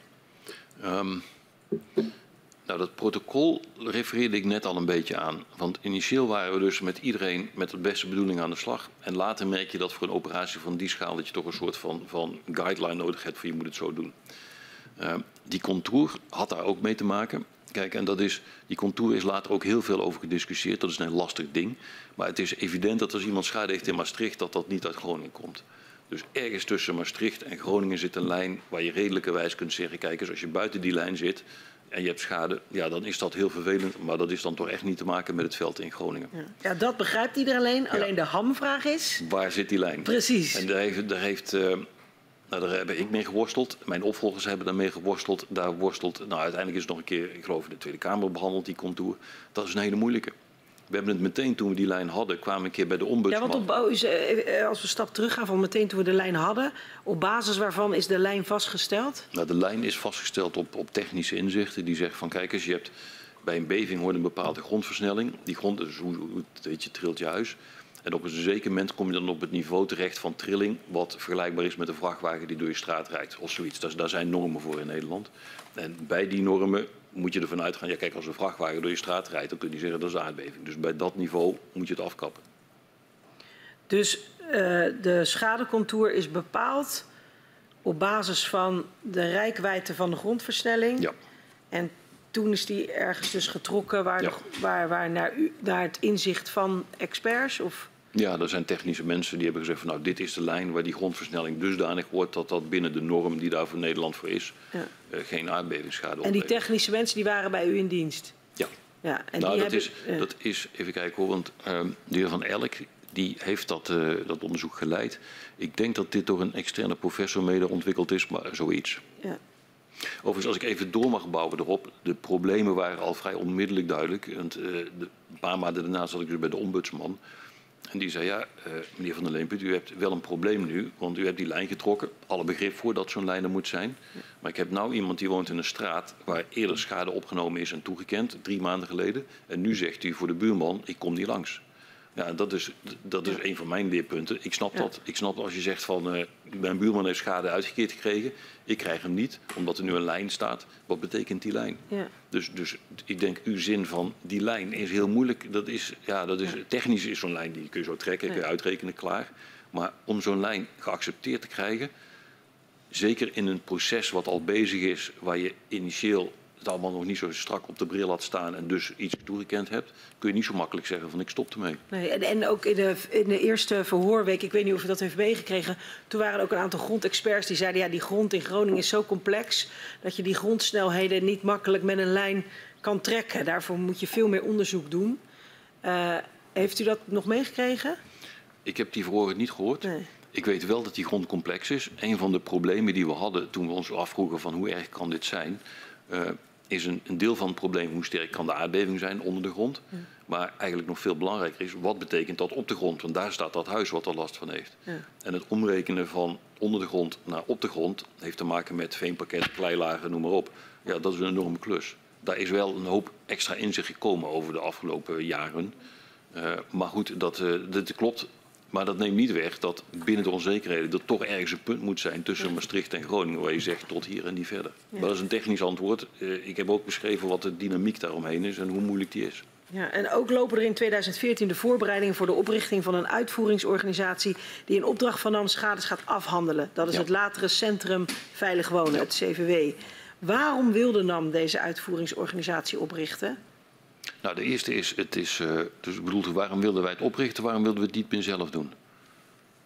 Ja, misschien is het wel dezelfde vraag. Als u hem opricht, ja. dan wilt u het niet meer zelf doen. Dus ja. doen. Nee. nee, nou, de, de, het was duidelijk dat de roep in de maatschappij, slagen kut zijn eigen vlees, dat wij als nog niet betrouwbaar was. En hoezeer ik het ook, ik vind dat persoonlijk jammer, maar ik denk, ik begrijp dat en dan moet je ook zeggen van nou, dan moeten we dat niet doen. En dan kan ik nog mijn best doen, dus jammer, dit is niet, niet, uh, niet geloofwaardig. Uh, dus hebben we gezegd, dat moeten we op afstand zetten. Dat is één. De tweede was, uh, wat is de, de, kerncompetentie van NAM is produceren van olie en gas. En er zijn andere partijen die veel meer verstand hebben van uh, schadeafhandeling. En er zijn partijen die veel meer verstand hebben van um, versterken van huizen. Want ook daar is NAM uh, wel vol ingedoken. Dat is logisch, want het was wel, we moesten het veilig maken. Maar aan de andere kant is NAM niet een expert op gebouwgebied. Dus hebben we gezegd, conclusie, we moeten dat van ons afzetten en bij een centrum beleggen wat daar verstand van heeft. Ja. En een van uw uh, medewerkers, uh, Johan de Haan, asset manager bij NAM, die zei in zijn verhoor uh, dat het was omdat de NAM werd omvergetrokken door de belasting die de schadeafhandeling opleverde. Um, nou, ik... Klopt dat? Nou, dat zijn hele sterke woorden. Ik denk dat het wat meespeelde is nogmaals dat die, wat ik u net al zei, capaciteit één keer vergroten, vergroten, vergroten. Plus dat het niet onze kerncompetentie is. En om een voorbeeld te geven wat dingen waar we tegenaan liepen. Uh, kijk, als je drie schadegevallen hebt, dan heb je drie mappen in een, in een kast en daar heb je het keurig bijgehouden. Als je er 10.000 hebt, dan heb je een heel filingsysteem nodig. Dat filingsysteem moet wel veilig zijn en moet toegankelijk zijn voor iedereen. Uh, ja, dat, een verzekeringsmaatschappij heeft dat voor schadegevallen. NAM heeft dat niet, dus we hebben zelf iets gebouwd. Maar uiteindelijk gezegd van ja, dit moet professioneler. Ja, en, en hoe kijkt u terug eigenlijk op die keuze om het uh, Centrum Veilig Wonen op te richten? Ik denk dat het een goede keuze is. Kijk, als u mij nou reflectie vraagt, hadden we dat eerder moeten doen. Dat gezegd hebbende, we hadden toen dit begon in Huizingen, als we toen gezegd hadden van ja, nee, dit is heel belangrijk, we gaan een centrum oprichten om hier actie te ondernemen, dan had, uh, was ook niemand blij geweest. Ik denk dat we toen terecht de handen uit de mouwen gestoken hebben. Uh, dan kun je altijd afvragen van hadden we dat anders beter moeten doen. Misschien wel, maar er was toen geen andere optie dan uh, handen uit de mouwen steken. En ik denk dat de keuze om het uiteindelijk van dan weg te halen, dat dat een hele logische keuze is. Ik wil um, even naar het moment uh, dat uh, Staatstoezicht, uh, naar aanleiding van de aardbeving van Huizingen, zelf enige analyses gaat uitvoeren. En op 13 september 2012 presenteert de inspecteur-generaal, de heer De Jong, die hebben we gisteren ook gehoord, um, de eerste bevindingen en die analyses aan u. Wat is uw reactie? Nou, daar ben ik behoorlijk van geschrokken. Ja. ja dat was net een maand na Huizingen. Uh, en toen kwam de boodschap van, god, die 3,9 zou wel eens niet het maximum kunnen zijn. Daar zijn we toen met z'n allen opgedoken. En met z'n allen, kijk, staatstoezicht heeft dat als eerste gezegd. We hebben gezegd, uh, dit is verontrustend, dit is belangrijk. Mm -hmm. Dus wij zijn zelf aan de slag gegaan. U vroeg al, hebt u die expertise in huis? Nee, maar die hebben we toen wel in huis getrokken. We hebben experts van Shell erbij gehaald, van ESSO. We hebben externe professoren erbij gehaald. Ook KNMI is gaan mm -hmm. kijken. En wij kwamen gezamenlijk tot de conclusie van SODM heeft gelijk. En dat hebben we ook uh, gezamenlijk neergezet. En we zijn toen, en dat vonden we toen toch wel belangrijk, dat we zoveel mogelijk gezamenlijk optrokken daarin. Dat, dat we niet de Groningers of Nederland zouden helpen als SODM dit zegt en dan dat en KNMI weer iets anders. Dus we hebben wel uh, de koppen bij elkaar gestoken. En, en, op een heleboel punten waren we het helemaal eens met de nieuwe conclusies. Mm -hmm. Die waren niet leuk, maar die waren wel duidelijk. Ja. Um, hoe kan het dat NAM niet zelf um, hierop kwam, op deze analyse? Ja, wij, nou, ja, wij leefden gewoon onder de perceptie dat die 3,9 het maximum zou zijn. En dat, dat, ja. uh, daar leefde iedereen onder. En na die beving? Ja, dat hebben we te laat geanalyseerd. Ik ja. weet nog het eerste wat binnenkwam van die beving van ja, het is 3,6, dus dat is nog steeds onder die 3,9. Ja. En dat uh, bleek dus fout te zijn. Ja. Dus, dus te, laat, te laat uh, de urgentie gevoeld om direct zeg maar, te handelen. En daar was de SODM gewoon sneller mee. Ja, absoluut. Alle credit naar SODM. Want die ja. hebben gezegd van dit klopt niet. En uh, daar zijn we uiteindelijk, heeft dat een heleboel acties getriggerd van alle partijen die betrokken waren. Ja. KNMI, TNO, NAM. En wat zegt dat over uh, de rol en de verantwoordelijkheid die NAM heeft op dit punt? Ja, dat, dat, ik denk dat u zegt dat terecht. wij, wij hadden daar nieuwsgierig naar moeten zijn. Dat heeft de OVV vastgesteld. Mijn opvolger heeft daar excuses voor aangeboden. Dat staat dus een paal boven water. We hadden ja. wakkerder moeten zijn. En u zegt uh, nieuwsgierig, uh, maar het is ook uh, de wettelijke plicht om hier scherp op te zijn. En dan vindt er zo'n beving plaats. Is dat dan niet nalatig? Um, zo sterk zou ik het niet willen zeggen. Het is niet zo dat we helemaal niks gedaan hebben. We hadden een rapport liggen wat zei het is maximaal 3,9. En dat ja, dat, dat rapport leefde iedereen bij. Dat ja. rapport kende de provincie, de overheid kende ja. dat, staatstoezicht kende dat. Maar dan vindt die beving plaats. Ja. En dan wordt er niet direct geacteerd. Nou, er is vrij direct geacteerd. We hebben, eh, er is, ik weet niet precies wanneer, maar de eerste boodschap was 3,6 is onder 3,9. Vrij snel daarna kwam ja. SODM met het inzicht, ja maar wacht even, er is hier meer aan de hand. Niet alleen door huizingen, maar het hele patroon analyserend. Ja. En dan nog, het, het, is de wettelijke taak om, om, om te zorgen dat er veiligheid is. Hè, de, ja. De, dan zegt u, ja, we waren niet nieuwsgierig genoeg. Ja, het is wel de opdracht natuurlijk om het scherp te hebben. Ja, nou, als u mij toen gevraagd had van, hebt u dit op de bril? Dan had ik u dat rapport gegeven waar die 3,9 in stond. Ja. En het, het is gevraagd toen, hè. de provincie heeft het gevraagd. Staatstoezicht had dat rapport ook. Uh, dus ja, we hadden nieuwsgierig moeten zijn. Maar we, als ik het zo mag zeggen, waren we collectief niet nieuwsgierig genoeg. Nee. En, en, en nog even mijn kwalificatie van nalatig. Hè, de vraag van was het niet nalatig? Nalatig is natuurlijk ook dat je verder geen stappen neemt. En die stappen werden genomen door SCDM, niet door, niet door NAM om die analyses uit te voeren. Nee, dus dan alsnog mijn vraag, is het dan niet nalatig? Um, ja, kijk, eentje moet de eerste zijn ik ben SODM dankbaar dat ze ons gewaarschuwd hebben en dat we hier bovenop gesprongen zijn. En ik heb, zodra we dit wisten, uh, vol, aan, uh, vol de, de registers opengetrokken om dit verder te begrijpen en meer studies te doen. Ja. We hebben toen een enorm studieprogramma opgezet. Dat hebben we een paar honderd miljoen uh, aan studies gedaan, waardoor we nu veel meer weten dan toen. Ja. En nogmaals, dat had, eerder, dat had eerder moeten. En de dus, vraag hoe eerder had dat dan gekund, dat weet ja. ik ook niet precies. Maar het is helder dat het beter eerder gebeuren had, had kunnen dus, gebeuren. Dus als ik dat mag samenvatten, wat, was u blij met uh, uh, de verantwoordelijkheid die SODM oppakte, die u eigenlijk had als NAM? Nou, kijk, de boodschap dat die bevingen sterker zouden zijn dan 3,9, uh, om te zeggen dat ik daar blij mee was, is het verkeerde woord, denk ik. Maar ik, laat ik het zo zeggen, ik heb slecht nieuws liever op tafel dan dat ik het niet weet. Ja. Dus in zoverre was ik er blij mee dat, we, dat dat er was en dat we daar dus op konden gaan acteren. Ja. Um, dan uh, wil ik nog even uh, komen op het punt uh, wat we gisteren in het verhoor hoorden van Jan de Jong. Um, die spreekt op 13 september met u. U, u, geeft aan tegen hem dat, dat, dat u ook geschrokken bent.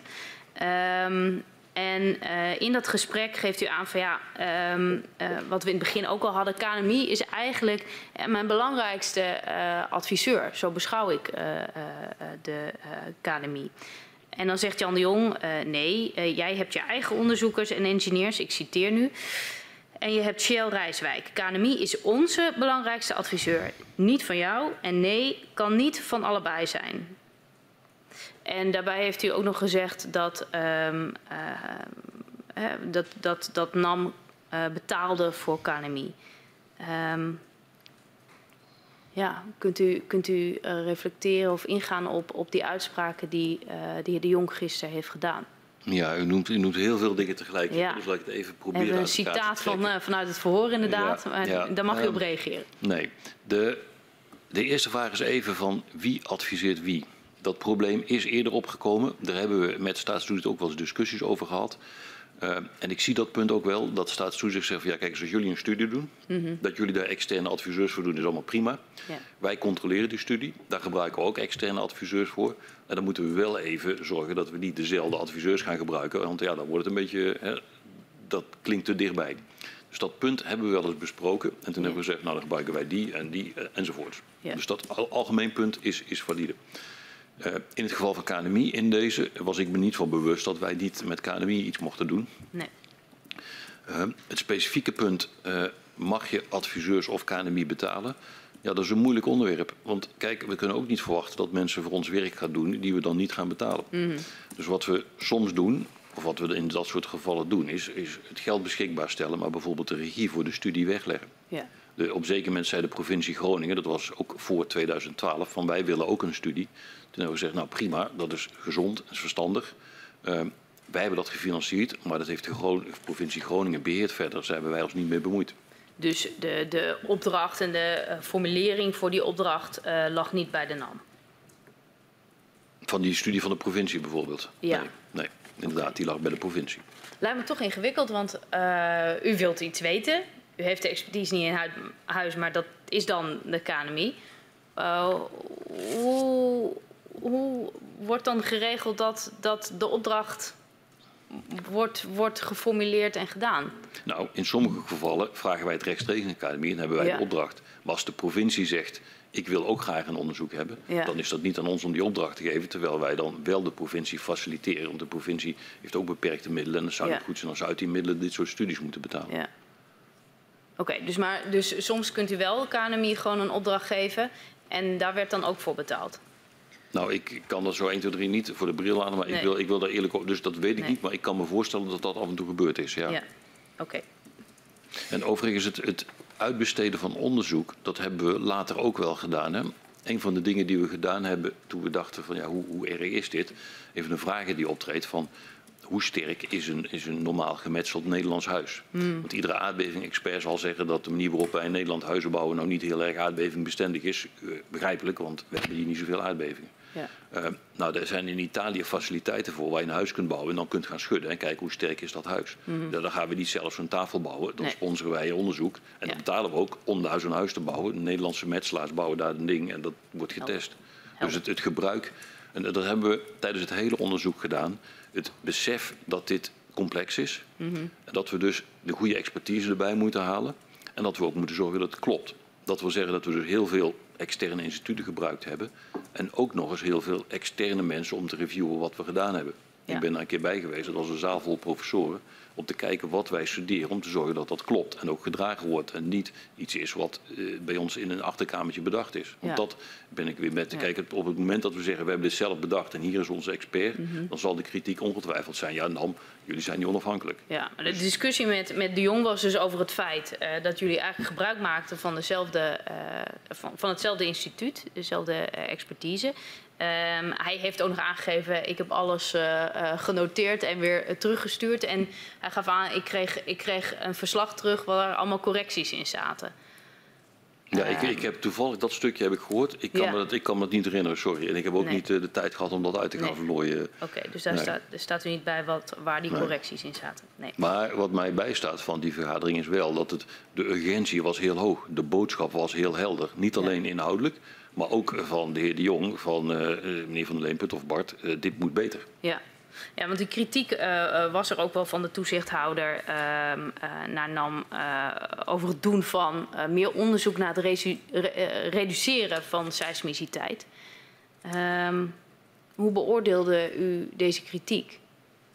Um, nou, als, u, als, ik het 2012 moment vergelijk met de brief uit 2009, is dat een mhm. wereld van verschil. Ja. Kijk, staatstoezicht en de heer De Jong zijn uitstekende toezichthouders. En die zijn uitstekend in staat om aan mij als NAM-directeur te vertellen van dit is goed en dit is niet goed en dat moet beter. Die brief uit 2009 had niet die toon en had niet die impact. Nou, dat is achteraf jammer. Het mhm. was beter geweest als dat wel geregistreerd was. Maar dat, dat is, bij ons hebben we niet goed genoeg opgelet. Maar staatstoezicht is ook niet in de boom geklommen zoals we dat in 2012 gedaan hadden. Het kwam niet uh, uh, urgent genoeg binnen? Nee, nee.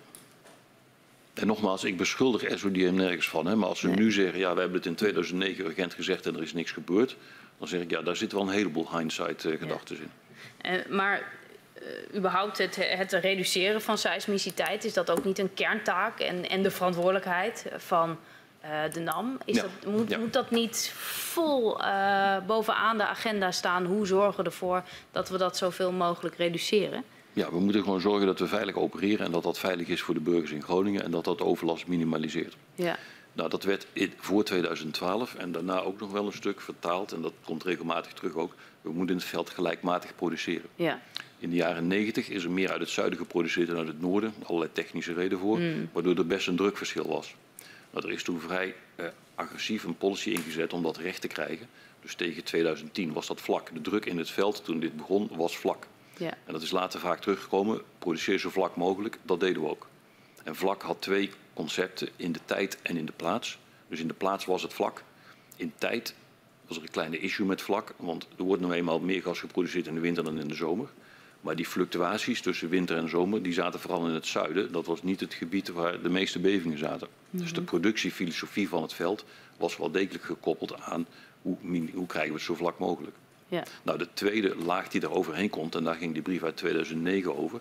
Er zitten blokken aan de rand van Groningen die eigenlijk nog op de originele druk zaten. En dan krijg je dus een drukverschil over een breuk. Zou dat iets kunnen zijn waar je naar kunt kijken? Hebben we regelmatig naar gekeken, wordt nu, neem ik aan, ook nog naar gekeken. Dat gaf wel heel veel uh, problemen ook weer. Want die breuk zit er. En je zou kunnen zeggen, nou, je moet die die druk weghalen daar. Maar aan de andere kant waren dat nou niet net de breuken waar die bevingen op zaten. Je kunt er proberen een gat doorheen te boren dat het gas eruit gaat lopen. Maar dat geeft ook weer instabiliteit. En dus is dat verstandig. Dus dat de, uiteindelijk, met alle studies, heeft, mhm. heeft, geen van de partijen gezegd van ja, die randblokken, die moet je nou uh, moet je leeg gaan halen. Dus um, als ik zo, u zo beluister, um, dan, dan zegt u ja, we deden, we, we, we deden onze onderzoeken uh, wel naar het beperken van uh, reduceren van, ja. van risico's? Nou, wij, wij, dachten, nogmaals, we dachten dat het risico begrensd was. Ja. En als het over de productie van het veld ging, dan deden we dat zo vlak mogelijk. Dat is wat staatstoezicht ook zei in 2012. Het moet zo vlak mogelijk gebeuren. En dat deden we al. Ja. En in hoeverre werd er toen gekeken ook naar de hoeveelheid, eh, de productiesnelheid? Van hoe, hoeveel halen we uh, in een jaar omhoog? Welke, welke gevolgen heeft dat voor, uh, voor het veld? Was dat uh, iets waar ook naar werd gekeken? Um, nou, de hoeveelheid productie was niet een NAM-besluit. Dat besluit dat werd ieder jaar genomen door de maatschap. Ja. Eigenlijk niet de maatschap, ja, nee, ik, door Casterra. Precies, daar komen we zo ja. nog even op. Maar dat was inderdaad niet het besluit van de NAM, maar ja, uh, jullie gaan toch ook over hoe kunnen we uh, de risico's beperken. Dus ik ja. kan me voorstellen dat dit wel een punt is wat dan op de agenda staat. Ja. En, en... Nou, we hebben, dat is ook expliciet aan bod gekomen in 2012. Toen hebben we dus die brief gestuurd naar staatstoezicht en de minister. En daarin zeiden, en daar was staatstoezicht en wij waren daar helemaal aligned. We zeiden van als we bevingen echt willen stoppen, dan moeten we het veld insluiten. En als we dat niet doen, krijgen we bevingen. Uh, wij zeiden, er is ons gevraagd wat betekent nou als je minder produceert. En het antwoord was toen, als je minder produceert, dan komen die bevingen verder uit elkaar te liggen. Mm -hmm. Met andere woorden, als ik een beving die nu een jaar weg zou, als ik 10% minder produceer, dan zou een beving die dan in plaats van over een jaar gebeuren, zou die over 13 maanden gebeuren. Ja, ja dat, dat, dat verlaagt het aantal bevingen, maar dat is er nou niet een waarvan je zegt van, jongen, daar maken we, ik had niet het gevoel dat we daarmee de Groningen zouden helpen. Dat is de film en daar komen we straks ja. uh, in, uh, in uh, volgende blokken even verder op terug. Um, hoe, hoe, hoe kan het dat, ondanks dat NAM um, een heleboel informatie en kennis in huis heeft of, of experts aanschrijft, dat de nood, noodzakelijke onderzoeken maar niet van de grond komen? Je bedoelt in 2009 of in 2012? Nou ja, 2000, ik, ja eigenlijk, eigenlijk moet het natuurlijk, bedoel ik daarvoor. Uh, maar u, u, kunt op beide uh, momenten misschien uh, antwoord geven. Oké. Okay.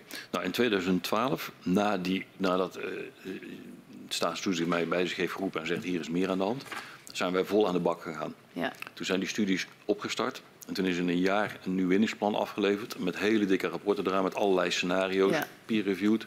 Er is kosten nog moeite gespaard om daar vol in te gaan. En ik denk dat we in dat jaar heel veel geleerd hebben. Mm -hmm. En dat er ook nog heel veel onzekerheden waren. Voor die tijd leefden we in de wereld van 3,9 is het maximum. Er zijn issues, we moeten zorgen voor één loket. Maar we hadden niet een gevoel van er zit hier een bevingsrisico. Dat hebben we eerder ja. besproken. Dus de beving van Huizingen, uh, um, als ik het zo mag concluderen, schudde de NAM eigenlijk wakker om Absoluut. nog meer onderzoek te Absoluut. doen. Ja. Okay. Dan wil ik heel concreet even met u inzoomen op de inhoudelijke conclusies. Uh, van de analyse van de toezichthouder en de studies van NAM, waar u het net ook even uh, met mijn collega over had in het najaar van 2012.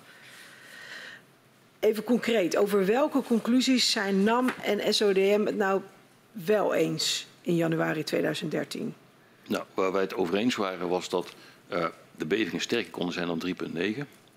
Uh, op grond van KNMI-studies was het dan een schadeklasse 7 mogelijk, Romeinse 7. Nou, dat zegt wat dat het uh, behoorlijke impact heeft, maar niet dat huizen in storten of zo. dat er meer moet gebeuren aan onderzoek. En we hebben toen een programma voorgelegd wat SODM ook onmiddellijk gesteund heeft. En dat we nog niet genoeg weten om eigenlijk te zeggen van ja, dit, dit, dit is zoals we verder moeten. En dat er dus meer werk nodig is. Ja. Was er dan volgens u ook sprake van een toegenomen veiligheidsrisico? Uh, er was in ieder geval sprake van meer onzekerheid rond dat risico.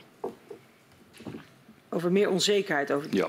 ja. En betekent dat dan in NAM-termen, uh, uh, een operator, dat dat dan ook een toegenomen veiligheidsrisico is als de onzekerheid toeneemt? Ja, dat dan, ja. ja dat dus kan ik, dan constateren dat er volgens u ook sprake was van een toegenomen veiligheidsrisico? Ja. ja. En uh, u bent er net al even, uh, uh, heeft u het aangeraakt, maar ik wil het heel even concreet maken. Welke onderzoeken deden NAM en Shell zelf in deze periode, dus tot januari 2013? Statistisch onderzoek van hoe is het bevingenpatroon geweest en wat leren we daaruit uit die maximumbeving. Uh, we waren bezig met het installeren van sensors in het veld. Dat, is, dat hadden we al, stond opgeleid, dat is versneld. En er is een begin gemaakt aan het uitschetsen van wat moeten we verder nog doen. Dus we, we hadden dat Groningen model en dat is uh, verbeterd en gebruikt om allerlei uh, onzekerheden uit te lichten. En welke bevindingen kwamen er uit die onderzoeken? Nou, die bevindingen is precies dat stuk waar het met staattoezicht overeen waren van 3,9 okay. is niet ja. langer het maximum. Ja. ja. Dus dat, dat, is wat u net zei, van niet, er moet meer gebeuren, 3,9 is niet meer het maximum. Dat waren de bevindingen van, van die onderzoeken die u, die u uitzette. En, en u zei net al even van het veiligheidsrisico was toegenomen omdat de onzekerheden uh, waren toegenomen. Hoe zeker waren deze bevindingen? Um, niets is zeker in deze wereld, maar dat het toegenomen was, was wel heel duidelijk. En daar hebben we ook op geacteerd. Hè? Want als u zegt, is het toegenomen, wat deed u dan? Um, wij zijn acuut het veld ingegaan om te zorgen dat het veiliger werd. Kijk, veiligheidsrisico is iets wat je op moet lossen, moet je aanpakken. Uh, we hebben een aantal maatregelen getroffen om dat te doen. Uh, als ik even het rijtje afga, we zijn begonnen met als een inspecteur in een huis kwam met veel schade, om ook te kijken, is dat huis nog wel veilig? Dat heeft ertoe geleid dat we mensen gewoon uit hun huis gehaald hebben van dit is niet veilig. Dat doen we dan samen met de gemeente. En dan hebben we natuurlijk niet de autoriteit om tegen mensen te zeggen, je mag hier niet wonen, maar de gemeente wel. Uh, we hebben huizen gezien waar we stutten gezet hebben onder het motto van ja, dit is niet veilig, dan moeten stutten op die huizen. Uh, we hebben huizen gezien waar bijvoorbeeld de schoorsteen op stond die niet goed was. En kijk, wij maken ons allemaal zorgen over een sterke beving, maar zo'n schoorsteen kan er afvallen bij een veel mindere beving. Dus we hebben tientallen, zo niet honderden schoorstenen vervangen om dat probleem op te lossen. We zijn gaan voorlichten in de regio, want kijk, ruim voor er heel gevaarlijke dingen gebeuren als een huis wat misschien in zo, uh, structurele schade heeft, uh, kan het zijn dat er een kast omvalt. Het voorbeeld wat we toen hadden, kijk als ik een kast koop bij de IKEA, dan zit er altijd zo'n zo lintje aan om hem vast te zetten aan de muur. Een hoop mensen gebruiken dat ding niet. Maar in Groningen met aardbeving is het wel belangrijk om dat vast te zetten. Dus we zijn ook naar buiten gegaan met voorlichting samen met de veiligheidsregio. Ja. Om mensen te zeggen, ja, gebruik die dingen. En Dus u had dus die onderzoeken, de bevindingen kwamen eruit. En u zegt de bevindingen waren wel zeker, maar we moesten wel ook nog het veld in om. Ja, we moesten kijken, Ja. er lag hier, zoals u maar zelf al zei, het veiligheidsrisico was groter. En we beseften dat dat risico dus, dus gevaarlijk kon zijn. Ja. we En u beseften- besefte dat, want u gaf net aan van we waren eh, de SODM dankbaar. Ja, maar mevrouw Muntendam van de SODM die zei eh, gisteren in haar verhoor dat de NAM eh Shell Rijswijk pas inschakelde voor nader onderzoek naar verzoek van de SODM. Dus dat u wel wat aansporing nodig had, klopt dat? Oeh, dat weet ik zo niet. Ik, ik, had, ik zal niet ontkennen dat de, de boodschap van Jan de Jong van hier is meer aan de hand niet een hele duidelijke aansporing was. Eh, ik kan me niet voorstellen dat we SODM nodig hadden om te zeggen, bel een keer naar de Shell en Esso zaten er allebei behoorlijk in. En we hebben beide laboratoria gebruikt. Maar het, het- ze, ze zegt dus concreet van eh, Shell Rijswijk werd pas ingeschakeld na verzoek van de toezichthouder. Nou, ik weet niet of ik een concreet verzoek heb om Shell Rijswijk in te schakelen. Als ik het lees als pas nadat eh, meneer de Jong mij bij zich geroepen heeft en gezegd heeft er is hier meer aan de hand dan 3.9, herken ik dat eh, beeld. Dat heb ik al eerder gezegd. mevrouw Muntendam zegt er zit eigenlijk nog een stap tussen. Want u ga- gaf net al aan, wij waren dankbaar voor het onderzoek van, van SODM. Ja. Eh, eh, want nu wisten we beter hoe het zat en, en, de- en, de, en de risico's. U zegt net, eh, er was sprake van een toegenomen veiligheidsrisico. Ehm, eh, en er is inderdaad een gesprek geweest om die ehm, conclusies van SODM met u te delen. Ja. Maar vervolgens is het echt nog een stap tussen. ehm, is er een verzoek geweest eh, van de SODM om nader onderzoek te doen. Dat u dat dus, daarmee concludeer ik dat u dat dus niet uit eigen beweging meteen heeft gedaan, maar dat de toezichthouder moest zeggen, schakel Shell Rijswijk in. Ja, dat eh, weet ik niet. Ik, als mevrouw Muntendam dat zegt, zal ze zeker die indruk hebben. Ik, ik, ik herken dat niet. Ja. Maar u deelt dus de constatering dat de aardbevingen in Groningen mogelijk veel zwaarder kunnen worden dan verwacht. Met mogelijk meer en zwaardere schade als gevolg. Ehm, maar tegelijkertijd zien we in interne mails en notulen. Ja, en heeft u net ook al eh, ehm, eh, bij mij aangegeven, het draagvlak. Dus dat u zich zorgen maakt over de license to operate van NAM. Ja. Ehm, waarom maakt u in een brief aan minister Kamp van Economische Zaken dan toch bezwaar tegen de maatregel om de productie te beperken? Nou, ik maak geen bezwaar tegen die maatregel, maar eh, ik heb uitgelegd wat wij denken dat productiebeperking zou doen. Dus ten eerste even om de context te zeggen. De, de- in die brief hebben we onze maatregelen neergezet, dus ook alle maatregelen die ik net noemde. En productiebeperking stond ook op die lijst. We hebben toen uitgelegd wat ik hier net ook uitlegde. Als je dus 10% van de productie afhaalt, dan komt die beving 10% later. Ja, dat, dat, is een, dat geeft tijd en dat is een overweging. Maar wij denken, als we dat doen, dan wordt... Kijk, het is goed om een maatregel te doen. Maar als ik naar Groningen gegaan zou zijn en gezegd hebben... ja, ik heb alle bevingen 10% uitgesteld... dan denk ik niet dat, dat mensen geapplaudiseerd zouden hebben. Ja, maar snapt u dat het wel zo overkomt dat er komt een echt een duidelijk advies van de SODM over be- productiebeperking? Snapt u dan dat het wel zo overkomt van ik ben dankbaar als de SODM zegt oeh 3,9 is niet meer houdbaar, Ja. maar ik ben niet meer dankbaar als ik daardoor de productie moet beperken? Snapt u dat dat zo overkomt? Nee, ja, dat, dat begrijp ik. Maar de, de gedachte, ten eerste, dat is een beslissing van de minister. De minister krijgt verschillende adviezen. En die heeft ons gevraagd van leg eens uit wat productiebeperking is. Ja. Nou, dat hebben we omschreven. En, Maar heeft u dan in ieder geval nog wel bijvoorbeeld overwogen om dan het productieniveau van 2012 te hanteren als plafond? Nee, dat was niet mijn besluit. Dat is de, dat is de minister en Gasterra besluiten over productie.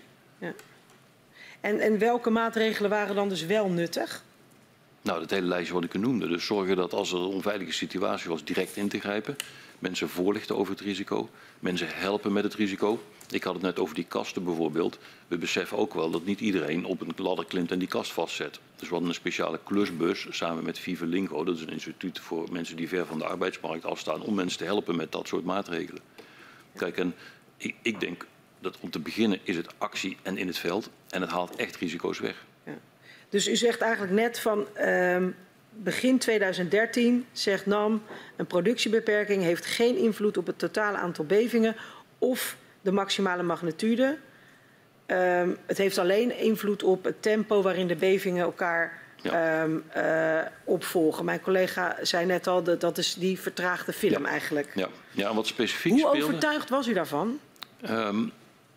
Wat het meest speelde toen, was wat, wat, waar we ons allemaal over zorgen maakten, was niet zozeer hoe vaak zijn die bevingen, maar hoe sterk is de sterkste beving.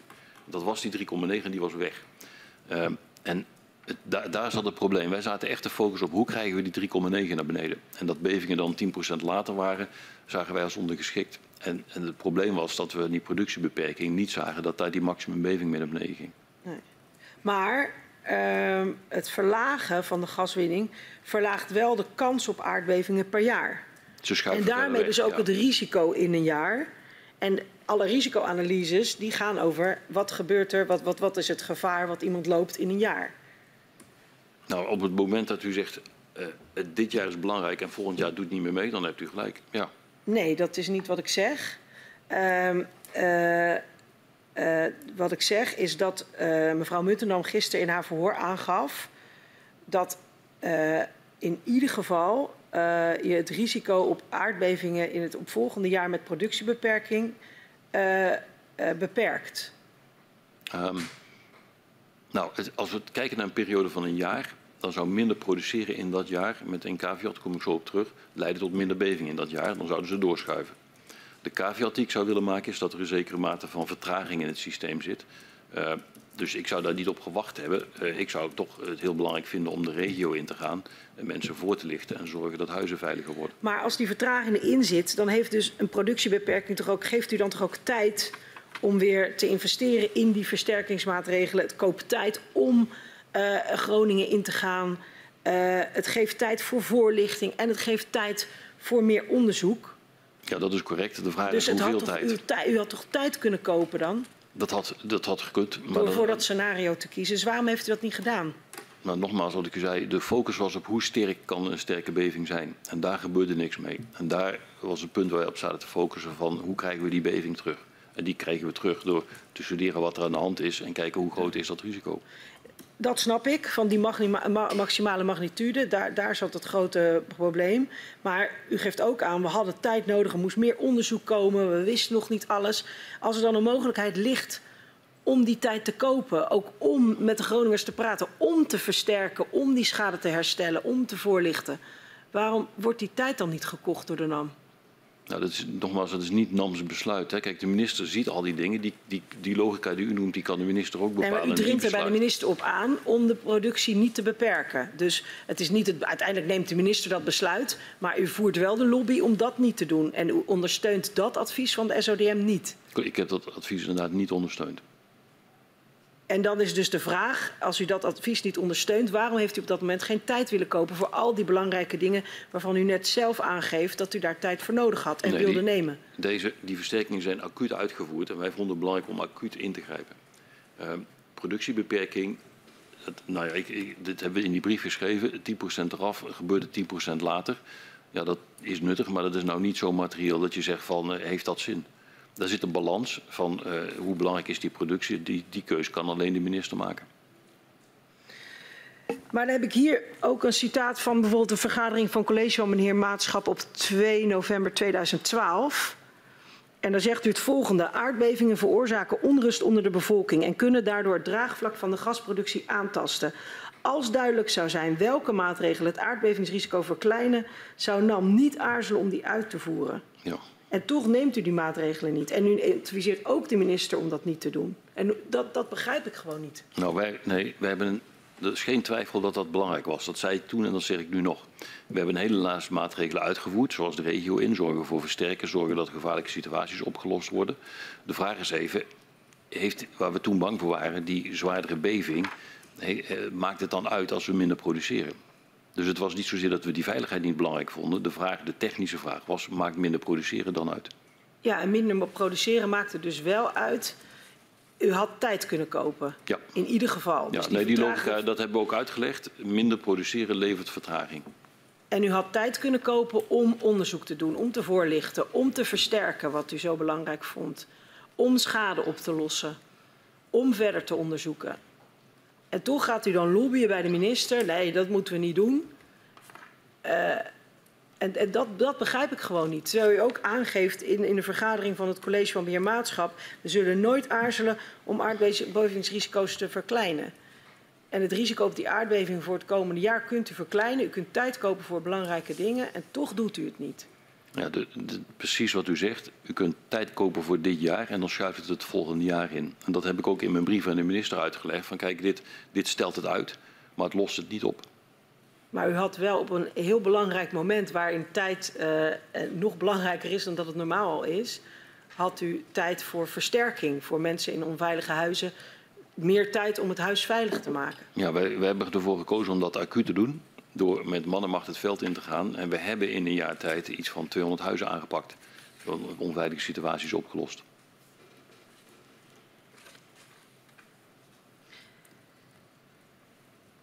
Ja, ik, ik, heb ook hier een brief waarin u zegt van uh, NAM verwacht niet dat een productiebeperking, want dat is eigenlijk wat u nu zegt, de ongerustheid bij de bewoners weg zal nemen.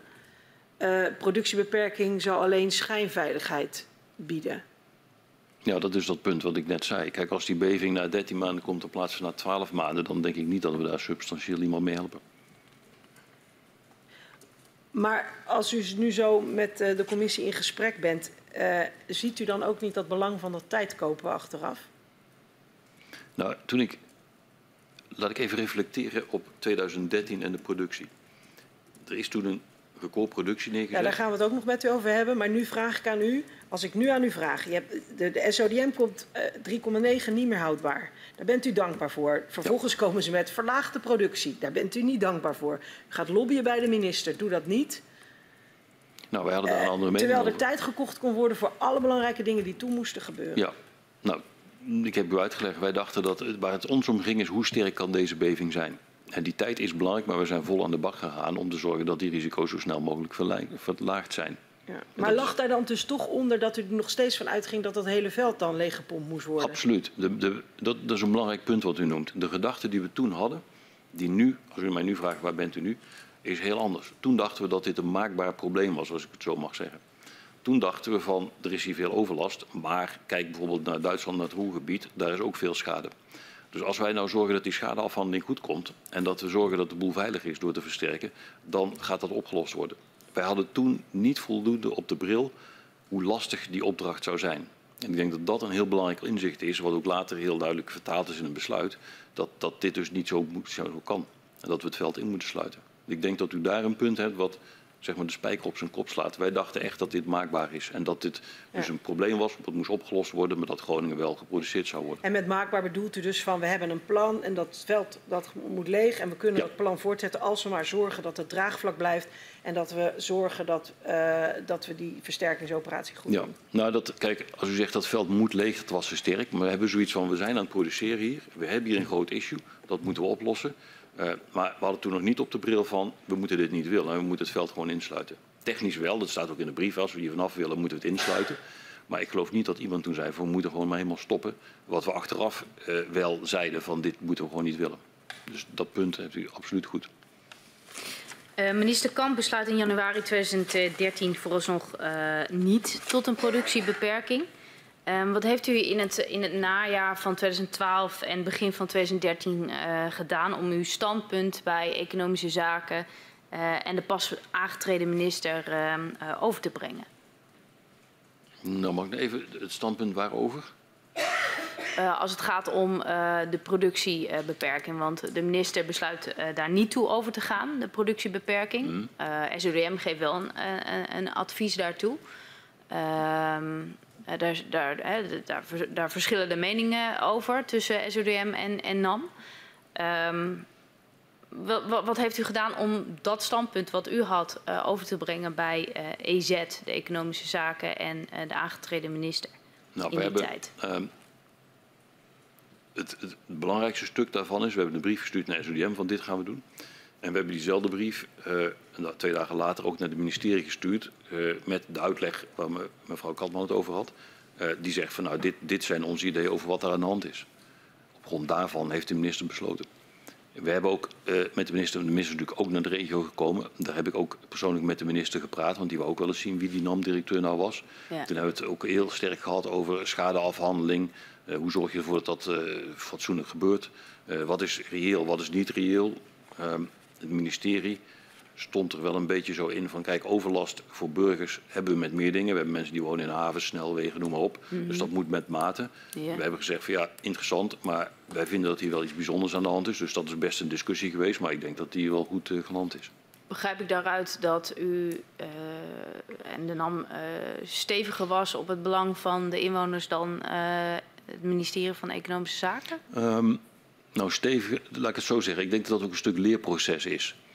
Als u zoiets ziet en je komt als mens, zie je dat, dan denk je, hier moet wat aan gebeuren. Mm -hmm. En ik denk dat, uh, dat er meer van dat soort dossiers in Nederland zijn. En het ministerie heeft dus meerdere van dat dossiers. Die heeft daar, die heeft daar meer gevorderde gedachten over hoe dat wel en niet zou moeten. Ja. Um, ja, dus dat is een gezamenlijk overleg, leerproces, hoe moet ik het noemen? Ja. Dan gaat het over die veiligheid en dan geeft SODM aan... Uh, ja, hier moet inderdaad wat aan gebeuren. Want de veiligheid uh, staat op het spel uh, van, van de Groningers. En um, die productie moet naar beneden. Nou, mm. daar verschillen jullie van mening over. Um, het valt ons op dat, dat u zeer nadrukkelijk bezig bent met de communicatie en de afstemming met economische zaken. En in een van uw mails aan de top van, van Shell schrijft u onder meer dat NAM ernaar streeft dat de regering een gebalanceerd perspectief op het issue krijgt.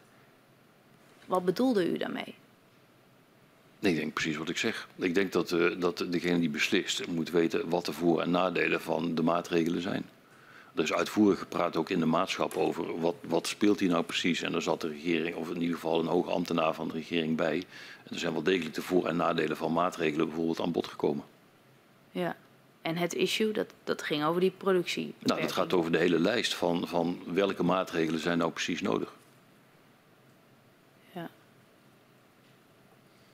En hoe heeft u geprobeerd um, nou, een gebalanceerd perspectief uh, bij het ministerie en bij de minister uh, te krijgen? Er is veel overleg geweest. Ook in de maatschap, die natuurlijk, ik weet niet of u het gezien hebt of niet, maar er is toen heel veel vergaderd, waar ja. heel veel aspecten aan de orde gekomen zijn. Ja. En we hebben daar ook bijvoorbeeld een keer de, de mogelijke maatregelen besproken en de voor- en tegens van die maatregelen. Ja, dus het was u aan, eraan gelegen dat uh, het perspectief uh, wat de NAM had ook werd overgenomen door Economische Zaken en de minister. Ja, kijk, het, het, het, is een bijzondere constructie dat de productie van het Groningenveld niet door de NAM-directeur bepaald wordt. Hè. Of het gaat niet om in mij, maar laten we even NAM zeggen. Van alle andere velden in NAM kun je gewoon als directeur zeggen: van, ja, kijk, als dit onveilig wordt, sluit ik in. En ja. ik heb ook als projecten stilgezet, ik heb velden ingesloten. Dat, dat is in de, in, in de olieindustrie moet je dat doen als het veilig is. Ja. Voor Groningen kan dat niet. Er altijd een dilemma. En, en, en u wilde het ook niet, de productie naar beneden Nee, maar los daarvan zat er een enorm dilemma. Want kijk, op het moment dat je zegt ik sluit Groningen in, dan creëer je ook een enorm tekort aan gas in het land. Dus ik kon dat als NAM-directeur vrij terecht niet besluiten. Het was een koude winter, kun je niet zeggen ik stop ermee vandaag en, en half Nederland zit in de kou. Nou, het is terecht dat dat elders besloten wordt. Ja, dus dat, dus dat, was, dat was niet iets waar u uh, zich nee. over druk hoefde te maken, die leveringszekerheid. Waar uh, nou, u, u, zich er druk over moest maken, was de veiligheid van de Groningers. Jawel, maar die leveringszekerheid was er eentje die bij ons wel hoog op de lijst stond. Kijk, we wisten dat Groningen daar belangrijk voor was. Ja. Dus als het over het Groningenveld ging, dan wist heel NAM, ik, de asset manager Groningen en iedereen die daar rondliep, dat het belangrijk was dat Groningen op koude dagen, maar eigenlijk altijd beschikbaar was om gas te leveren als het nodig was. Dus dat zat heel diep in het systeem. Welke, welke, welke stond dan bovenaan het lijstje? De veiligheid of die leveringszekerheid? Nou, daar zat dus het dilemma waar ik zelf ook persoonlijk van wakker gelegen heb. Van, van hoe moet je omgaan met dat dilemma? En daarom is het goed dat die keuze bij de minister ligt. Uh, want het, het, ik kon niet als directeur zeggen, weet je wat, ik sluit Groningen in. Misschien had ik technisch de controlekamer op kunnen bellen van, nou ja, stoppen ermee. Maar dan had dus Nederland in de kou gestaan, dus dat, dat is niet goed. Nee. Dus daarom moet die afweging uh, tussen het landelijk belang en veiligheid, impact in Groningen moet gemaakt worden door de minister, gecontroleerd door de Kamer. Ja, u geeft aan, daar, daar had u ook geen zicht op, op die, nee. die afweging Nee. als het gaat om leveringszekerheid. Nee. Uh, maar als het gaat om de veiligheid? Nou, daar had ik natuurlijk zicht op. Daarom is het Ja. belangrijk dat dat helder op tafel ligt. Ja. En helder is, kijk, het is, als de minister gedacht had, als ik nou eens de productie reduceer, dan is het veilig. Dat was ook een foute gedachte geweest. Dus wij vonden het belangrijk om uit te leggen dat productiereductie precies doet wat mevrouw Katman net zei, is namelijk het, het, het uitstellen. En dat vonden wij wel belangrijk om te zorgen dat het op tafel lag. Ja. Dus nog, nogmaals mijn vraag, als, als, als, als dan, hè, de, de- er zijn zaken belangrijk, de leveringszekerheid, maar ook die veiligheid. Eh, dan mijn vraag, wat stond dan boven? Want u zei van, ja, ik, ik vond het ook een dilemma, ik lag er ook s s'nachts van wakker. Ja. Ja, dat, dat, kijk, wat daarboven stond was niet mijn keus. Dat is waar de minister voor moest. Dat, Ja. dat is toch het. Ja, als NAM-directeur ben je best belangrijk in NAM, maar uiteindelijk ben je niet de belangrijkste persoon in dit hele gebeuren rondom Groningen en leveringszekerheid in Nederland. Nee, dus de, de minister, ik begrijp, de minister gaat over leveringszekerheid. Uh, maar u ging ook over veiligheid. Ja, maar de, kijk, het, een, het, het, probleem, kijk, het is te simpel om te zeggen, je hebt het probleem leveringszekerheid en je hebt het probleem veiligheid. Die problemen zijn gekoppeld. Dus daar, zit, zitten ja. dilemma's. Ik denk dat dat thema komt steeds mm -hmm. terug op dit dossier. Maar de verantwoordelijkheid van het een lag wel echt bij u. Uh, de, de, de veiligheid. En minder die leveringszekerheid. Ja, dat zou kunnen. Maar als ik daardoor gezegd had, weet u wat, ik interesseer me niet in leveringszekerheid. Ik vind dit onveilig, ik sluit de boel in. Dat had ik niet gekund. Dus ik denk dat het juist dat, dat daarom het dilemma was groot. Van hoe, hoe weet je deze twee af? Ja. En daarom is, ligt dat bij de minister. Um, maar omdat die verantwoordelijkheid bij u ligt voor die veiligheid, is het toch ook aan u om heel duidelijk dat signaal over te brengen aan de minister? Nou, die brief is behoorlijk duidelijk die we schrijven. Daar zeggen wij in van, wij dachten dat het maximaal zoveel kon zijn. Dat denken we nu niet meer. Daar zit een probleem. Ja. Daarom moeten wij een hele lijst van maatregelen nemen. En ja, we kunnen productie uitschuiven, maar dat schuift het probleem voor ons uit. Het maakt het niet veiliger in de zin van dat de maximumbeving minder wordt. Ja. Dus u hebt helemaal gelijk, dat was heel belangrijk om dat goed uit te leggen. Um, en dan, ja, ik zit toch op dat punt van de, van de productiebeperking, omdat dat natuurlijk ook um, het punt is wat, wat opvalt. Um, ik, ik, ik uh, heb ook notulen gezien van, uh, van verschillende vergaderingen. En in een van die uh, vergaderingen um, rond november, begin november, um, wordt ook gezegd... ja, we moeten zorgen dat we een beetje invloed hebben op die briefing. Um, en wordt ook de, de, de koppeling gemaakt naar, uh, ja, ook, ook, ook het Rijk uh, heeft een gigantische omzet uh, door, door deze gaswinning. Um, dus ja, dat, dat is ook een belang wat er speelt. Dus dan blijkt naar mijn mening uit, uit, uit, uit die notulen dat niet alleen die leveringszekerheid een argument is om om economische zaken te, uh, op, op, op een bepaald pad te, te, te sturen, maar ook de centen. Um, Klopt dat? Centen spelen een rol, maar dat was niet het grote dilemma. Als u mij vraagt waar lag ik van wakker, dan was dat leveringszekerheid tegen uh, veiligheid. Dat is de afweging. Nou, dat, die zat hier een hoop geld voor het Rijk in, er zat een hoop geld voor de aandeelhouders, dat moeten we niet ontkennen. Maar dat was niet het echte dilemma waar ik mee worstelde. En zeker als u zegt inkomsten voor het Rijk. Uh, ik heb een hoop sympathie voor het Rijk, maar daar ga ik als NAM-directeur niet over. Dat moet u echt bij het Rijk zijn. Ja. Dat was wel zeg maar wat ik dan in die notulen lees van, nou ja, uh, uh, laten we ook de belangrijkheid van de financiën voor het Rijk maar even goed nog even op een nou, netvlieswijze zetten. Ik, ik, ik, ik, zie het punt en ik hoorde gisteren geloof ik Jan de Jong dat ook zeggen. Nogmaals, ik heb niet het hele interview gehoord, maar die zegt ja, het is, het is wel een lastige figuur dat de toezichthouder in hetzelfde ministerie zit als de partij die hier toch een hoop inkomsten in krijgt. Maar het probleem een beetje is dat, dat los van die inkomsten, de afweging leveringszekerheid, veiligheid, die speelde toch.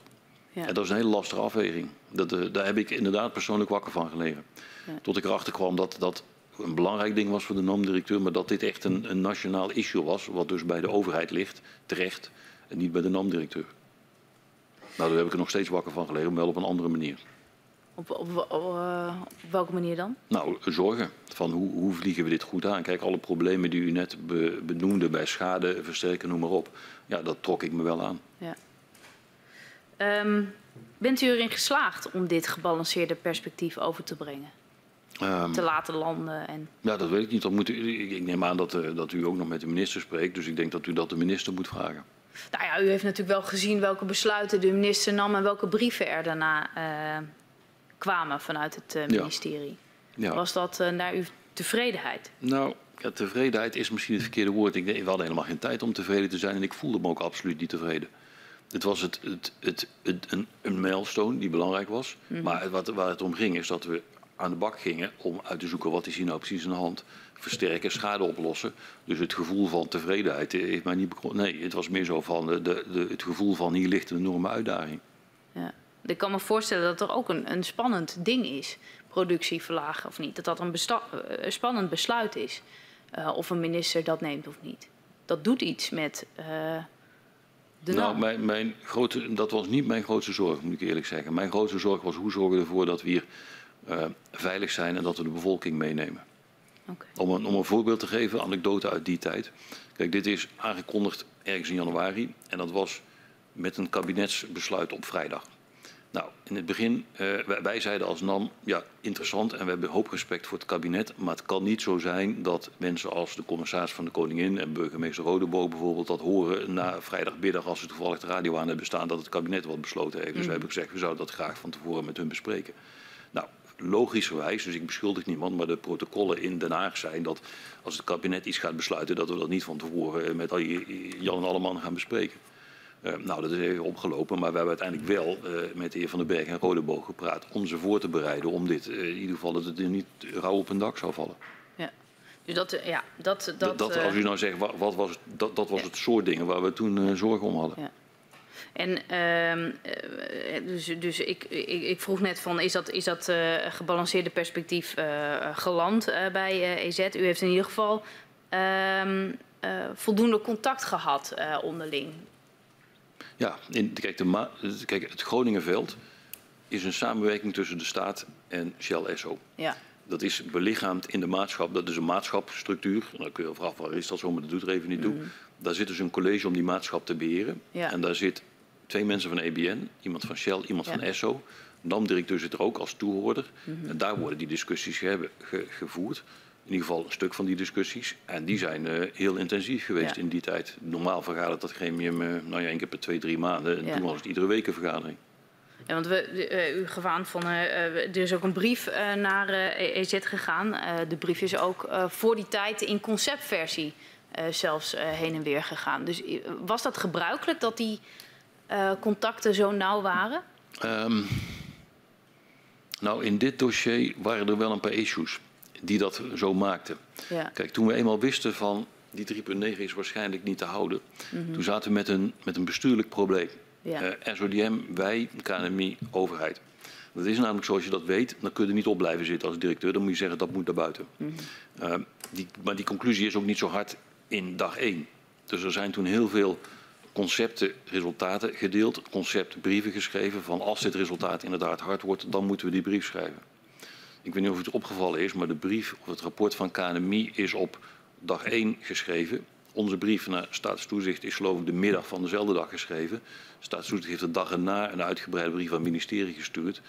Uh, dat dat zo'n brief wordt met zorg geschreven. Door KNMI, door ons, door staatstoezicht. Mm -hmm.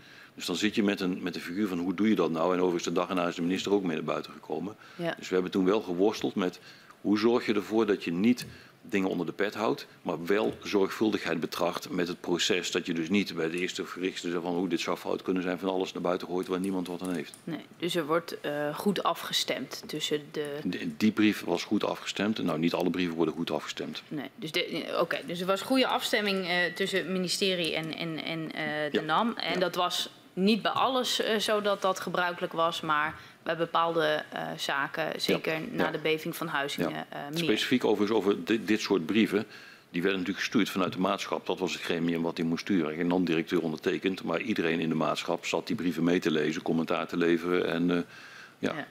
ja. Um, ook schrijft u, toch nog even terug op, op een mail, schrijft u in een van uw mails dat het van belang is de snelheid waarmee de zaken zich ontwikkelen af te remmen. Waarom was dit zo belangrijk? Um, ik denk dat dat relateert aan het punt wat ik net beschreef. Uh, ik denk dat het belangrijk was dat we dit zorgvuldig deden.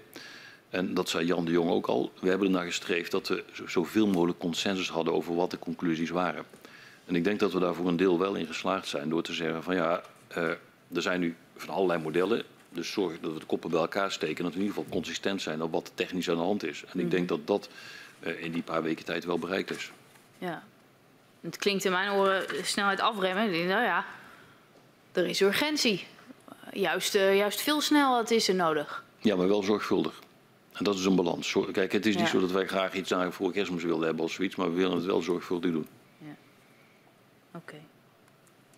En was, was dat aansturen uh, op onderzoek ook een manier om, om, om het besluit uh, ja, af te remmen?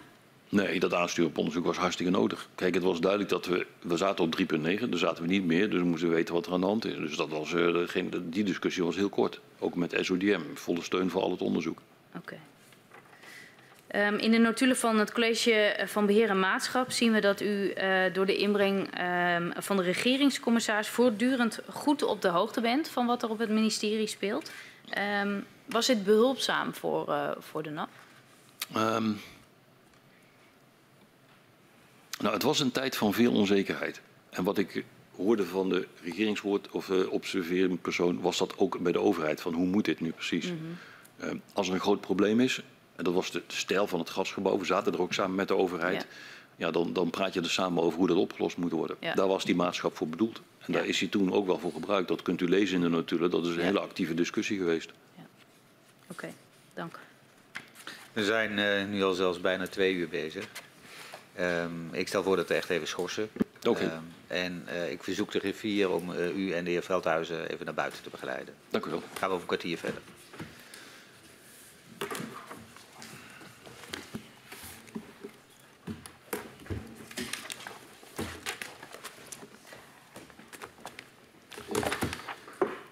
Ik schors de vergadering tot tien over half twaalf.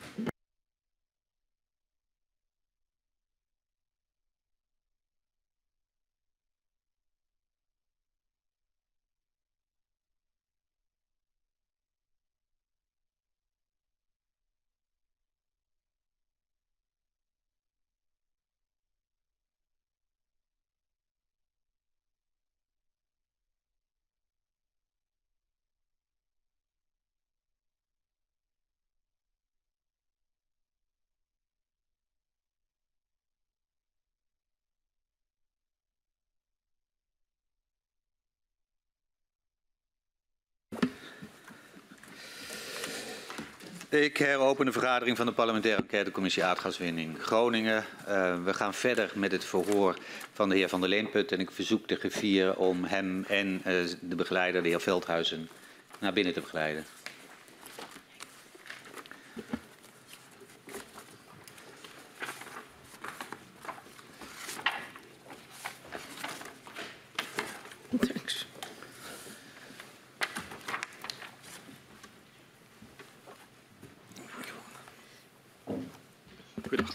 Ja, we gaan weer verder. De microfoons staan aan en ik geef het woord aan mevrouw Katman.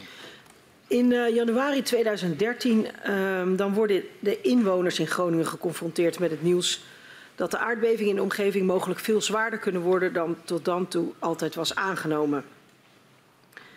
Welke impact heeft dit nieuws volgens u gehad op de inwoners van Groningen? Ik denk heel veel impact. Kijk, er was al een heleboel onrust en die is behoorlijk versterkt. We zijn toen. Uh, uh, we hebben toen een, een, uh, in een sporthal een sessie gehad met burgemeester Rodeboog, minister Kamp en ik. En de onvrede die daar naar boven borrelde, die was hoog. En dat was een stukje van. wat er, het, het, kan erger worden dan het was, maar ook een stukje frustratie die er al ruim zat. Hoe ging die bijeenkomst? Um, ja, er waren heel veel mensen en daar zullen ongetwijfeld heel veel meningen geweest zijn. Dus dat, ik vond het moeilijk om, om om daar te staan en te zeggen, ja, dit, dit doet NAM en daar hebt u last van. Ja. Want u stond op het podium? Ja. Ja, dat gaat je niet in de kleren zitten als je zo'n boodschap over nee. moet brengen. Dat, ja. uh, nee. Ja. En wat waren de reacties? Nou, boosheid. Van, uh, ja, hoe heeft dit zover kunnen komen? Uh, ook vragen van, wat gaat u allemaal doen? Ehm, ja. En met welke boodschap bent u toen eigenlijk op pad gegaan? Nou, de boodschap was, we weten niet precies hoe het maximum kan zijn. Ja. En we moeten extra onderzoek doen. Ja, ik bedoelde meer van uh, de boodschap die u meekreeg van de bewoners. Voor... Nou, dit, de, de van versterking van wat we naar Huizingen al wisten, van ja, dit heeft extra aandacht nodig. Kijk, het, is, het is niet zo dat ik verbaasd was over wat de bewoners vonden. Ik, ik patroon herkende ik. Maar het is, uh, het is altijd goed om nog, nog eens een keer te heraan herinnerd te worden hoe, hoe ernstig het is bij de, voor de bewoners. Ja. En er is na Huizingen, zeker na januari 2013, sprake van een nieuwe situatie in, uh, in Groningen. Hoe communiceerde u hier als NAM-directeur over met uw omgeving, dus met bestuurders en bewoners? Uh, nou, om te beginnen heel veel en veel meer dan daarvoor. Uh, dus wat deden we? We hadden, nou ja, wat ik al zei, we gingen de regio in en we is dan een heleboel NAM-medewerkers van allerlei afdelingen. Bijvoorbeeld meer contact met de gemeente, meer contact met bewonersgroepen, meer contact met dorpsverenigingen. Uh, ik ben zelf de regio ingegaan, gewoon koffie gedronken met mensen van, goh, hoe ervaart u dit, hoe voelt u dit? Mensen met schade bezocht, mensen meteen na bevingen bezocht, mensen waar de schade opgelost, gewoon, gewoon ja, als, als mens ja. de omgeving in en luisteren wat er speelt. Ja. En u informeert ook zelf uh, de provincie Groningen en de burgemeester van Loppersum. Ja. Hoe gingen die gesprekken? Um, nou, ik ben, ik ben heel blij dat we die gesprekken gedaan hebben. Maar daar kwamen dezelfde reacties uit van dit is, niet, uh, ja, dit is geen goed nieuws. Nee. En zeker uh, burgemeester Rodeboog, die, die greep het onmiddellijk aan. Die zei van ja, dit is, als dit morgen naar buiten komt, geeft dat een hoop onrust in mijn dorp. Dus ik ga het gemeentehuis open doen, dat mensen daar terecht kunnen. Dat mensen hun, hun, ja, kunnen praten over wat is hier nou aan de hand. En kreeg u daar nog een opdracht mee? Niet een hele specifieke opdracht. Maar ik denk dat het vrij duidelijk was van uh, doe hier iets aan, want dit is niet goed. Ja, en wat is dan dat iets? Ja, iets is zorgen dat het veiliger wordt, dat schades opgelost worden uh, en dat de, dat de bevolking weer vertrouwen krijgt in de toekomst. Want dat was, los van het veiligheidsgevoel, hadden mensen ook een gevoel van hoe ziet mijn toekomst eruit? Soms heel concreet, van mijn huis is mijn pensioen en hoe werkt dat als er schade aan zit? Maar ook gewoon van ja, wat gebeurt hier in Groningen? Hoe is het perspectief? Wat, uh, ja, gewoon, hoe, zal de toekomst eruit zien? Ja, dat, dat grijpt er, hakt erin. En in uw brief aan de minister, maar ook uh, in interne mailwisselingen, wijst u op het belang van goede communicatie naar bewoners. En uh, uit uw zorgen over het behouden van draagvlak, hebben we het ook al eerder over gehad, ja. in de regio voor de gaswinning. Wat heeft u uh, eigenlijk na het brengen van dit nieuws gedaan om het draagvlak zoveel mogelijk te behouden? Um, nou, we zijn het schadeproces onder de loep genomen.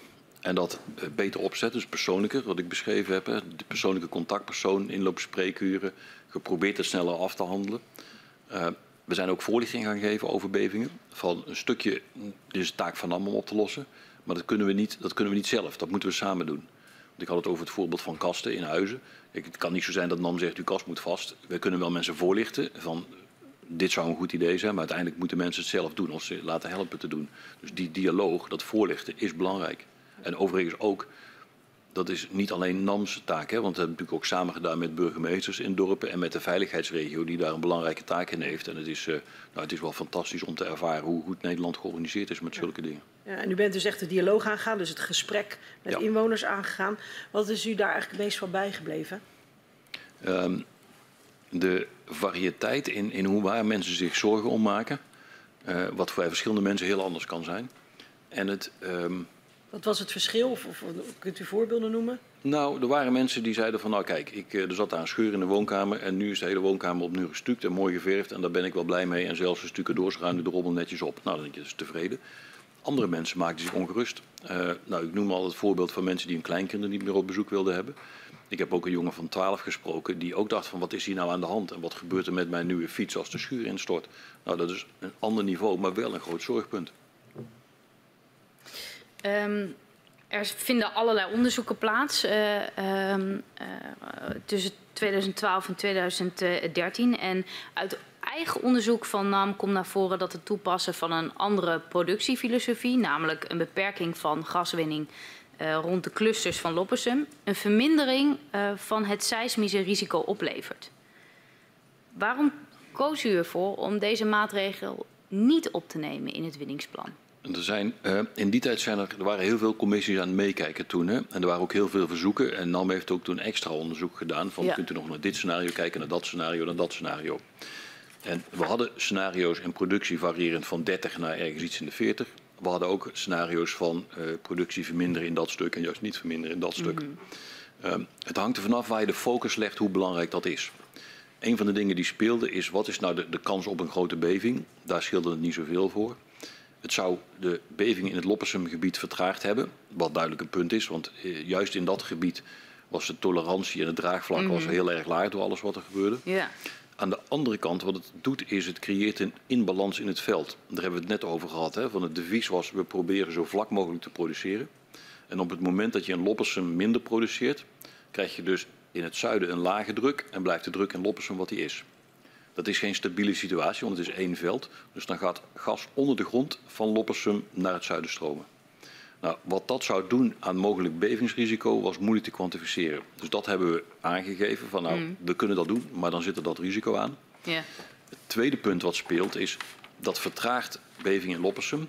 Maar uiteindelijk zal die bodemdaling of drukdaling en dus bodemdaling in Loppersum wel gebeuren.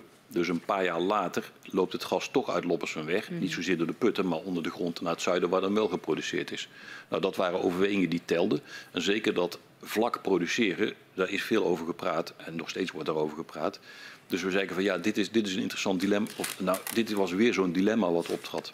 Ja. Uiteindelijk hebben wij niet heel sterk advies. We hebben meer studies gedaan en daar gezegd: dit zijn de keuzes die we kunnen maken. Eh, ander dilemma, eh, overigens, was ook dat op het moment dat je zegt: ik doe minder in Loppersum en meer in het zuiden. eh, ja, het is niet heel verwonderlijk dat toen de burgemeesters in die zuidelijke dorpen onmiddellijk aan de telefoon zaten van wat gebeurt hier nou precies? Ja.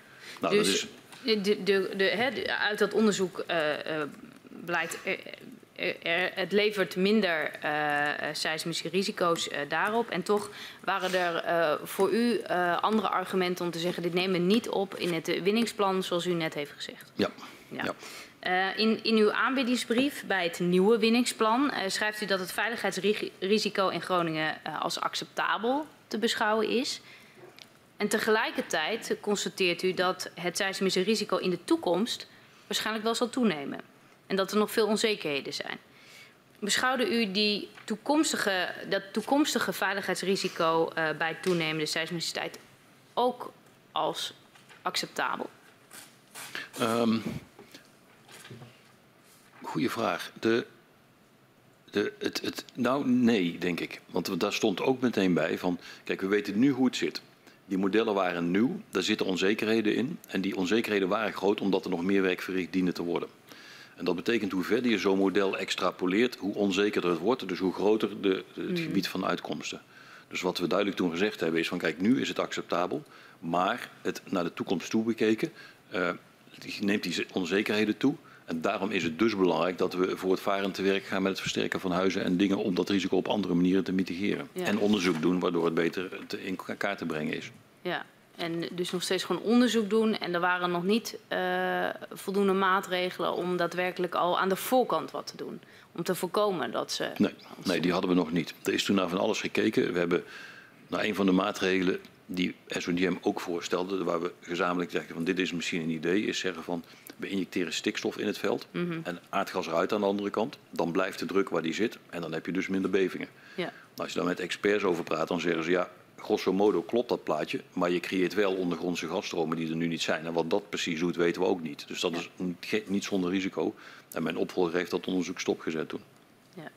Het uitgangspunt was ook nog steeds: eh, we halen het veld leeg. In, in die tijd dachten we nog steeds dat dit maakbaar was. Ja. Ja.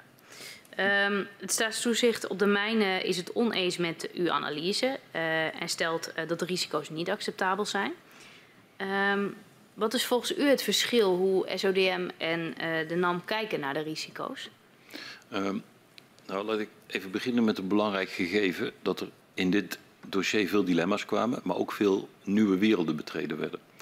En Nederland is een prima georganiseerd land, maar wat bleek toen is dat er geen norm is van hoe veilig huizen moeten zijn als het gaat over aardbevingen. Daar is toen een commissie Meidan voor ingesteld, die heeft in 2015 die norm bepaald. En dat maakte dit lastig, want de vraag is even, wat is veilig genoeg hier precies? Eh, als er geen norm is, dat, kijk dan, ook al zijn we het technisch eens met de sommetjes, kun je daar heel andere visies op hebben. En daar hadden staatstoezicht wij andere visies op.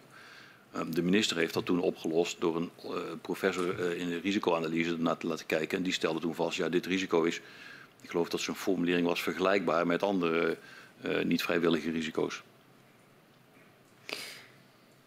Oké. Ehm, de minister besluit uiteindelijk toch eh, ehm, eh, het advies van SODM eh, op te volgen. En de Los- Loppersum clu- clusters worden voor 80% gesloten en de productie gemaximeerd op eh 42,5 miljard. Ehm, wat vond u van dat besluit? Ehm, het was ook niet alleen SODM die dat aanbevolen. Er waren een aantal commissies die meekeken op deze onderzoeken en er waren er meer die dat zeiden. Ja, wij konden, ik, ik- er zat een afweging in. Die logica die kon ik zien. En ik heb, eh, kijk nogmaals, de minister gaat hierover, die besluit dit soort dingen. Ik heb daar geen moeite mee, we hebben dat onmiddellijk uitgevoerd. Ja.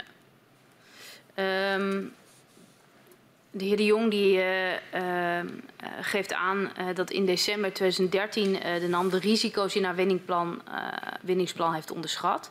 en SODM baseert dat op eigen risicoanalyses die geverifieerd zijn door het RIVM.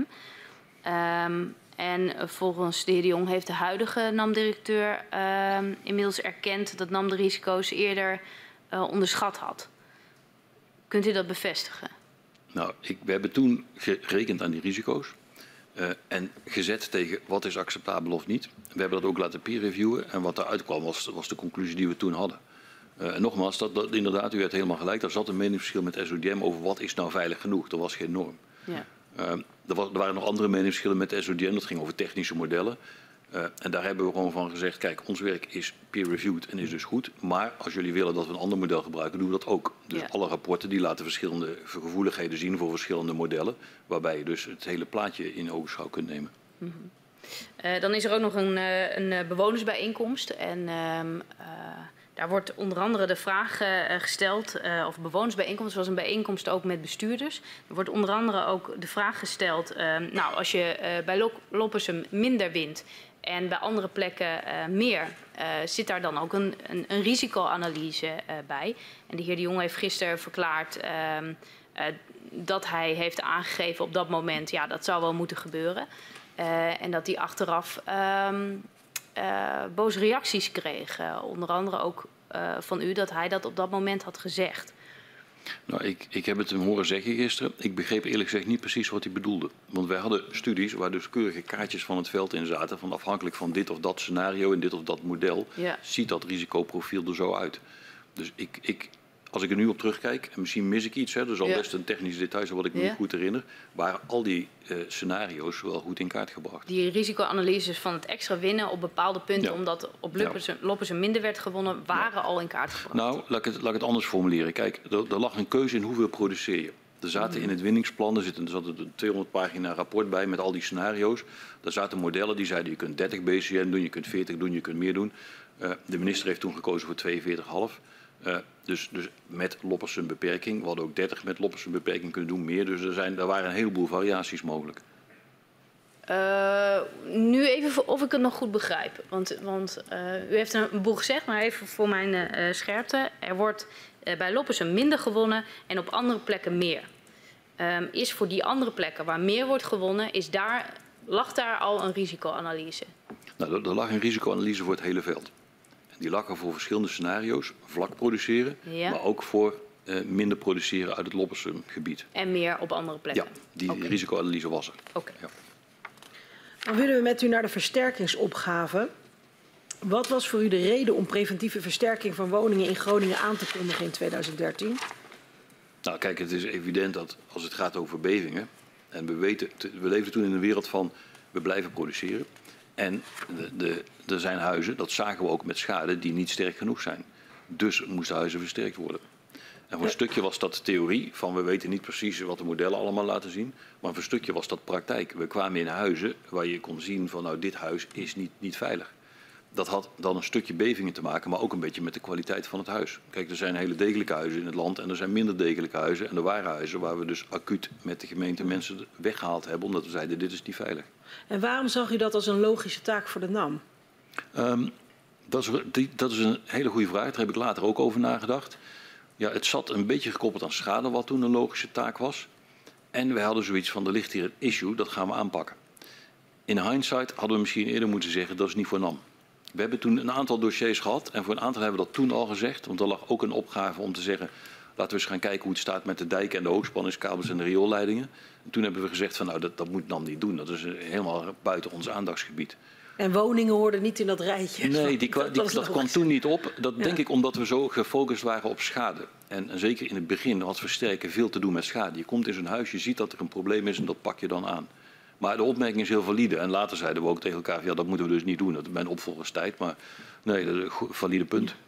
Dat gezegd hebben, misschien wel één opmerking. Er zat ook urgentie bij. En een van de leerpunten, ook later toen we uh, Centrum Veilig Wonen opgericht hebben, dat dat uh, tijd kost dat gezegd hadden, hadden we dat eerder kunnen doen. Dus ik denk dat het idee van we moeten beginnen, dat was goed. Maar het punt van het altijd achteraf te vragen. Als je zegt van ik doe het zo en het kan beter zus. Had ik het dan eerder moeten doen? Ja, dat was misschien nuttig geweest. We hadden ook niet, kijk, als we toen gezegd hadden in januari van ja, groot probleem en we doen even niks. Dat was ook niet goed gegaan. Dus ja, we moesten wel wat doen. En dat hebben we ook gedaan, met Ja. energie. En u trekt daar eh 100 miljoen eh, eh, voor uit. Hoe heeft u dat toen aangepakt met die, met die 100 miljoen, die versterkingsoperatie? Nou, we, de, de, de vraag kwam op van, heeft NAM het geld en nemen we het serieus? Toen moest daar een bedrag op geplakt worden en dat is 100 miljoen geworden. Eh, Waarom? Hoe kwam, is dat genoeg? nou, dat, weet ik, dat wist ik toen niet en dat weet ik nu ook niet. Maar de, kijk, als u het mij gevraagd had, toen had ik gezegd, wij gaan dat fixen. Nou, de vraag die dan redelijkerwijs gesteld wordt van... Maar u ja, dacht toen wel dat 100 miljoen genoeg Nou, was? dat was een, de schatting van dat moment. Dat was geen zeker getal. En, en om dat even te vertalen, eh, de boodschap was dat, ja, eh, meneer Van der Leempert, Bart, ik geloof wel dat je het wil fixen, maar daar moet wel iets achter staan. Hè? Want eh, kijk, dit gaat een hoop geld kosten. Dus wat, laat maar zien dat NAM dat wil fixen. Toen hebben we dus een reservering van 100 miljoen in de boeken gezet. En ik denk, later is dat bedrag zeker groter geworden. Maar de essentie was, we hebben hier een probleem. Er is NAM een, een, een hoofdspeler in, dus moeten we dat oplossen. En hoe bent u dat gaan aanpakken? We zijn het aan gaan pakken door ten eerste die, die studies die zeiden van ja, waar zitten nou precies de risico's? We hebben alle gebouwen geïnventariseerd, dat zijn er geloof ik 150.000 in Groningen. En gezegd van nou ja, hoe sterk, want dat was de volgende vraag, hoe sterk kunnen die bouwen heen en weer geschud worden? En hoe sterk zijn die gebouwen? En voor een stukje kun je dat categorisch aanpakken. Kijk, een nieuwbouwwijk met allemaal rijtjeshuizen, dat schiet lekker op, die kun je makkelijk doorrekenen. Maar een, een kerk uit 1200, ja, dat moet maatwerk zijn. Dus we hadden die catalogus van alle gebouwen. Wij zijn daar doorheen gegaan. Daar komen ook de, originele getallen vandaan. Van, er moeten dus heel veel gebouwen bekeken gaan worden. Toen hebben we dat in fases aangepakt. Van, eh, hoe kun je dat simpel doen? Nou, we zijn gebouwen waar we inkomen in verband met schade. Er zijn ook gebouwen waar je van de straat af kunt gaan inspecteren. Laten we daar eens mee beginnen. Eh, en dan moet je dus dieper gaan op eh, hoe, wat is de staat van die gebouwen. En wat waren dan de grootste problemen van de, van de organisatie? Ehm, het technische maatwerk en de technische complexiteit van verstevigen. Plus dat we, het onderzoek was verder, maar nog niet zo ver dat we precies wisten hoe de versnellingen waren. Er zaten nog onzekerheden op. En de bouwnorm was er ook nog steeds niet. Dus dat maakt het wel lastig. Als je tegen een architectenbureau zet of een bouwkundige van dit huis moet sterker, dan is de eerste vraag hoe sterker. En dan zeg je ja, er is geen norm. Ja, dat wordt een lastige discussie. Dus, dus op allerlei gebieden kwamen we op onontgonnen terrein terecht van hoe moet dit nu? Dus er zijn een paar waar je achteraf zegt van nou die is heel goed gelopen. Dat was het onderwerp scholen. Er staan in Groningen natuurlijk heel veel scholen. En er was een probleem met scholen in de zin dat in een aantal dorpen zijn scholen redelijk leeg, in een aantal lopen ze beter. Dus eigenlijk worstelden die scholen allemaal een beetje met wat is onze toekomst. Nou, die scholen waren al in overleg met elkaar en er is dus een programma uitgekomen waar al die scholen bij elkaar zijn gaan zitten en zeiden van kijk, we moeten die scholen versterken. Laten we dat nou zo doen dat we dat beter maken voor de toekomst en dus meteen nadenken welke scholen hebben we wel nodig, welke niet en, en hoe werkt dat met verschillende soorten scholen. En dat is uiteindelijk een groot succes geworden. En, en verder dus wel technisch complex en zeker het maatwerk eh, eh, complex. Wist u nou eigenlijk van tevoren waar u aan begon? Kon u goed Nee, dat denk inschatten ik niet. wat de omvang Nee, van, want het- van het was het- of, het- wat het überhaupt betekende, preventief Nee, dat, dat, de, de, de, technisch konden we er ons niets bij voorstellen. Maar de complexiteit, hoe dat organisatorisch moest, was super hoog. Kijk, ik noem het scholenvoorbeeld, omdat het was een georganiseerde groep waar, waar uiteindelijk een heel goed resultaat uitgekomen is. Maar dezelfde discussie kun je hebben met winkelcentra, met bepaalde wijken. Als een dorp toch leegloopt, welke wijken wil je dan opknappen? Of zeg je dan, nou deze wijk die wil ik eigenlijk überhaupt niet hebben. Ja, dat zijn maatschappelijke dialogen die super complex zijn. En dan helpt het niet als wij met een, met een vracht staal komen om een huis te versterken. Dat, moet je, dat, kost, dat kost gewoon tijd, dat, dat soort dingen. Dat is heel moeilijk. Dus dat hebben we wel geleerd. Dat, ja, techni- als je tegen een technicus zegt, dit huis moet sterker, dan gaat hij tekeningetjes maken. Maar als je tegen een, in Groningen zegt van nou we gaan Groningen versterken, dat is veel complexer dan, eh, dan een huis versterken. Ja, en dan in 2013 en 2014 dan komt er ook meerdere malen kritiek op de snelheid van die eh, Ja. versterkingsoperatie. Hoe beoordeelt u de kritiek van, eh, van die partijen? Dat zijn, er zijn dus regionale bestuurders, provinciale bestuurders, maar ook de technische commissie Bodembeweging. Ja, die kritiek is, die was terecht. Als je daar van buiten naar keek, dan was het eh, te langzaam. Ik heb het, we zaten toen ook aan de dialoogtafel. Daar kwam het issue huizen in stutten op. Een van de dingen die we in het begin gedaan hebben, als een huis niet sterk genoeg is, dan stutten we het aan de buitenkant. Nou, dat is een technisch prima maatregel. Dan wordt het huis stevig vallen, dan is het veiliger. Maar het geeft niet een gevoel van veiligheid in het dorp als daar huizen in stutten staan. En dat waren er uiteindelijk eh, een paar honderd door de provincie heen. Dus toen zei de dialoogtafel van daar willen we vanaf. En dit speelde in februari, dus dat moet voor de zomer opgelost. Nou, dat, dat, ik wilde niets liever. Maar ik heb toen wel een, gewaarschuwd van wij gaan vol aan de bak en iedere hulp is welkom. Maar ik kan u niet beloven dat dat in januari opgelost is, want je moet wel per huis aan de slag. En overigens kun je ook tegen een bewoner niet zeggen van nou meneer, eh, even pech gehad, wij komen vandaag uw huis versterken. Ook dat is een stuk dialoog hoe dat moet. Was u dus voldoende toegerust eigenlijk als NAM om die versterkingsoperatie uit te voeren? Nou, we hebben dat enorm onderschat. Dus zeker in het begin niet. Dat, En dat is, dat, kijk, daar, we hebben daar keihard aan gewerkt. En na mij en met mij vele anderen. En ik denk dat dat een van de, als we het hebben over maakbaarheid, want die versterkingsoperatie worstelt nog steeds. Van hoe zit dat nou precies? Ja, dat is dus blijkbaar hartstikke ingewikkeld. En ik, ik heb daaraan meegewerkt. Ik, had ik het sneller moeten doen? Misschien. Aan de andere kant er zijn een heleboel uh, mensen zijn daar heel hard aan het werk geweest. Dus niet door gebrek aan, e-, aan, aan wil en energie. En heeft u dat dan wel eens gedeeld met het ministerie? Van uh, we zijn eigenlijk toegerust, dit gaat niet? Um, dat groeit geleidelijk. Hè. In eerste instantie was het van we zijn niet toegerust, we moeten opschalen. Dit moet beter, moet sneller, moet nog wat. Dat was in mijn tijd vooral. De latere directeuren hebben ook uh, ja, dat verder uitgebouwd van hoe moet dit precies. Toen hadden we dat Centrum voor Veilig Wonen, dat is ongeveer het laatste wat ik nog gedaan heb, dat Centrum voor Veilig Wonen opgericht. Uh, maar dat speelde wel. En het ministerie was de eerste om ons daar toch uh, helder te melden van dit, dit gaat niet goed genoeg, dit moet sneller. Ja. Daar was geen debat over. Ik wil het met u hebben over het bestuursakkoord. Uh, dat wordt in januari 2014 uh, gepresenteerd met de titel uh, Vertrouwen op herstel, herstel van vertrouwen. Um, akkoord tussen de Rijk, regio, dat tot stand komt naar aanleiding van de commissie Meijer. Um, dat was dan ter compensatie van de regio. vier doelen, preventieve sterken, waardevermeerdering, verbeteren schadeafhandeling, leefbaarheid verbeteren en economisch perspectief. Er wordt een bedrag van 1,182 miljard gereserveerd. Op welke manier was u betrokken bij dit akkoord? Ik was daar erg bij betrokken. Ik, ik kan me herinneren, we hebben daar een weekend over onderhandeld samen met iemand van de provincie en, de, en, het Rijk om dat voor elkaar te krijgen. Een paar mensen van Dam, een paar mensen, nou ja, vertegenwoordiger van de dorpen erbij. En mm. ja, absoluut zat ik middenin. Ja. Ik was ook, overigens laat ik dat even ook helder stellen, ik was erg blij met het werk van de commissie Meijer de dialoogtafel en, en waar dit akkoord voor stond. Ik, ik vond het superbelangrijk, dat overleg met de omgeving. Waarom? Draagvlak. Ja. Dus uh, ja, draagvlak was belangrijk voor, ja. uh, voor NAM en uh, ja, daar hielp dit Draagvlak en het gevoel bij. van, kijk, er is hier een hoop aan de hand en daar is NAM dan toch verantwoordelijk voor. Dus daar moeten we ook meehelpen aan de oplossing. En dat ja. kunnen we niet alleen, dat moet nee. in overleg. En daar hielp dit bestuursakkoord ja, bij? absoluut. Ja. Um, we zien dat u op het laatste moment het bestuursakkoord toch niet mee ondertekent. Ja, dat hebt u goed gezien. Ja, ja dat was een. Um, dat akkoord hebben we onderhandeld. Mm -hmm. Toen zeiden beide aandeelhouders van nou, dit is wel een erg politiek document. Uh, directeur Nambart, we willen niet dat, u, dat jij dit tekent.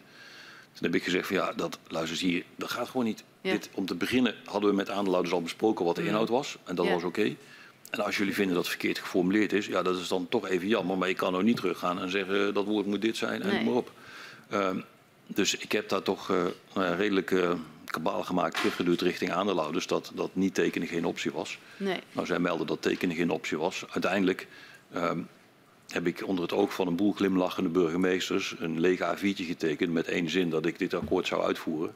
Ja. En ik heb me er vol voor ingezet. Ja. U, u, bent gewoon teruggefloten door de aandeelhouders. Ja, ik begrijp. Als u mij nou vraagt waarom, dat moet u misschien de aandeelhouders ook eens vragen. Want ik heb niet het gevoel dat ik daar iets gedaan heb waar, waar ze nee. echt niet achter stonden. En die maar argumenten goed, dat, kregen u eigenlijk ook niet van de aandeelhouders. Waarom dat niet? Nou, ik kan me dat niet zo goed herinneren. Kijk, het was toen een superdrukke tijd waar heel veel aan de hand is. Ja. Soms denk je van ja, welke oorlogen wil je nou waar voeren? Ik vond het heel belangrijk om, om het uit te kunnen voeren en op zijn minst een handtekening te zetten dat ik dat ging doen. Ja. En als het dan op een ander stuk papier moest, nou ja, zo so be it. Dat, uh... Ja.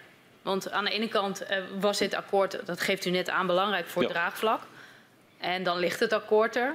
U heeft meegedaan en dan mag u niet tekenen. Ja, nee, dat, uh, ik vond het ook een bizarre toestand. En nogmaals, de burgemeesters hebben hartelijk om mij moeten lachen. Dus dat ja. was ook niet leuk. Maar ja, kijk, als u nou zegt over niet leuk, dan is dit van alle dingen die ik me herinner eentje waarvan ik zeg van nou ja, daar moeten we overheen gaan. Dat, dat is niet, ik maakte me zorgen over veel andere dingen dan dit. Dat, ja. Uh, ja. In, in, in hoeverre uh, is de invloed van aandeelhouders uh, zoals Shell en Exxon op de directeur van de NAM? Um, nou, die zat er op twee manieren. De eerste is dat ieder bedrijf wat een directeur heeft, die heeft aandeelhouders en er zijn limieten voor een directeur. En als je dus een akkoord ondertekent wat 1,2 miljard kost, is het niet raar dat de aandeelhouders zeggen van nou dan willen we even meekijken wat, uh, wat je daar tekent. Dus dat is één. De tweede is, de manier waarop de maatschap Groningen georganiseerd is, is dat, is, dat is de overheid samen met Shell en Esso. Dat zijn dus die aandeelhouders, dat zijn dezelfde ja. mensen als die commissaris zijn bij mij. Ik zat daar als NAM-directeur bij, als toehoorder. Maar het, het, het, de aandeelhouders waren heel belangrijk in dit dossier. Ja. Dit was dan een moment, uh, dat, dat, zien we nu, um, dat de aandeelhouders uh, uh, u eigenlijk gewoon terugfluiten. Um, zijn er nog andere momenten geweest ja, waar, waar, waarin u toch um, ja, werd, werd, werd teruggefloten?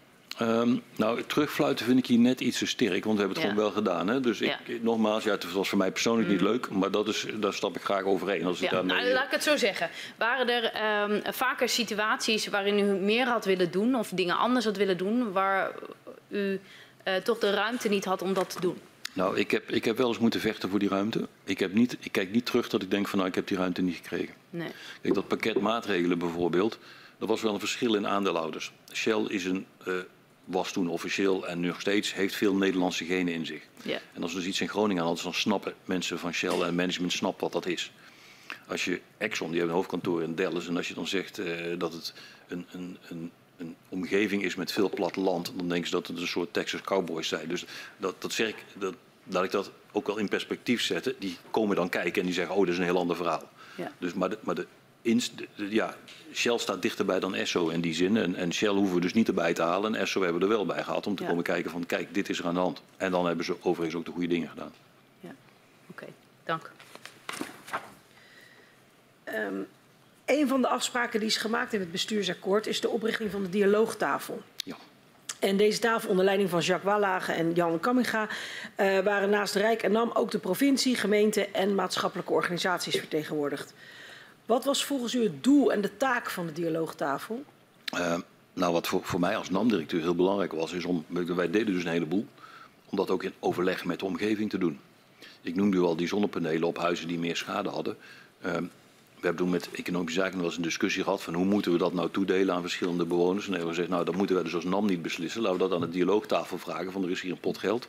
Wij willen voor mensen meerwaarde creëren. Uh, zonnepanelen lijkt ons een goed idee, vonden zij ook.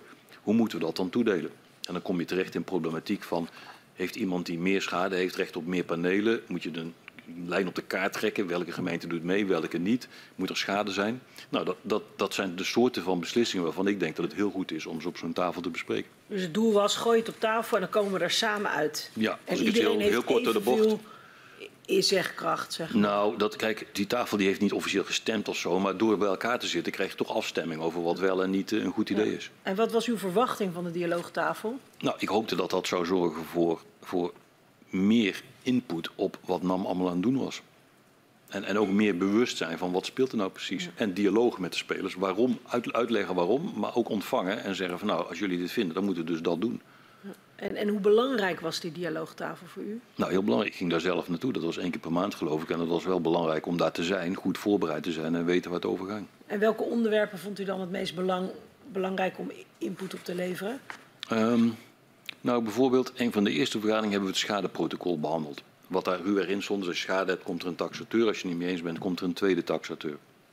Wij vonden het belangrijk dat dat gedragen werd door de tafel. We hebben ook wel van geleerd overigens, want we hebben dat protocol geschreven. Dat, wordt, uh, dat was een redelijk juridisch document. Dat hebben we naar de tafel gestuurd. En die begonnen wel een beetje te zuchten van ja, eh, Nam, dit is wel erg voorgekookt en erg dichtgetimmerd.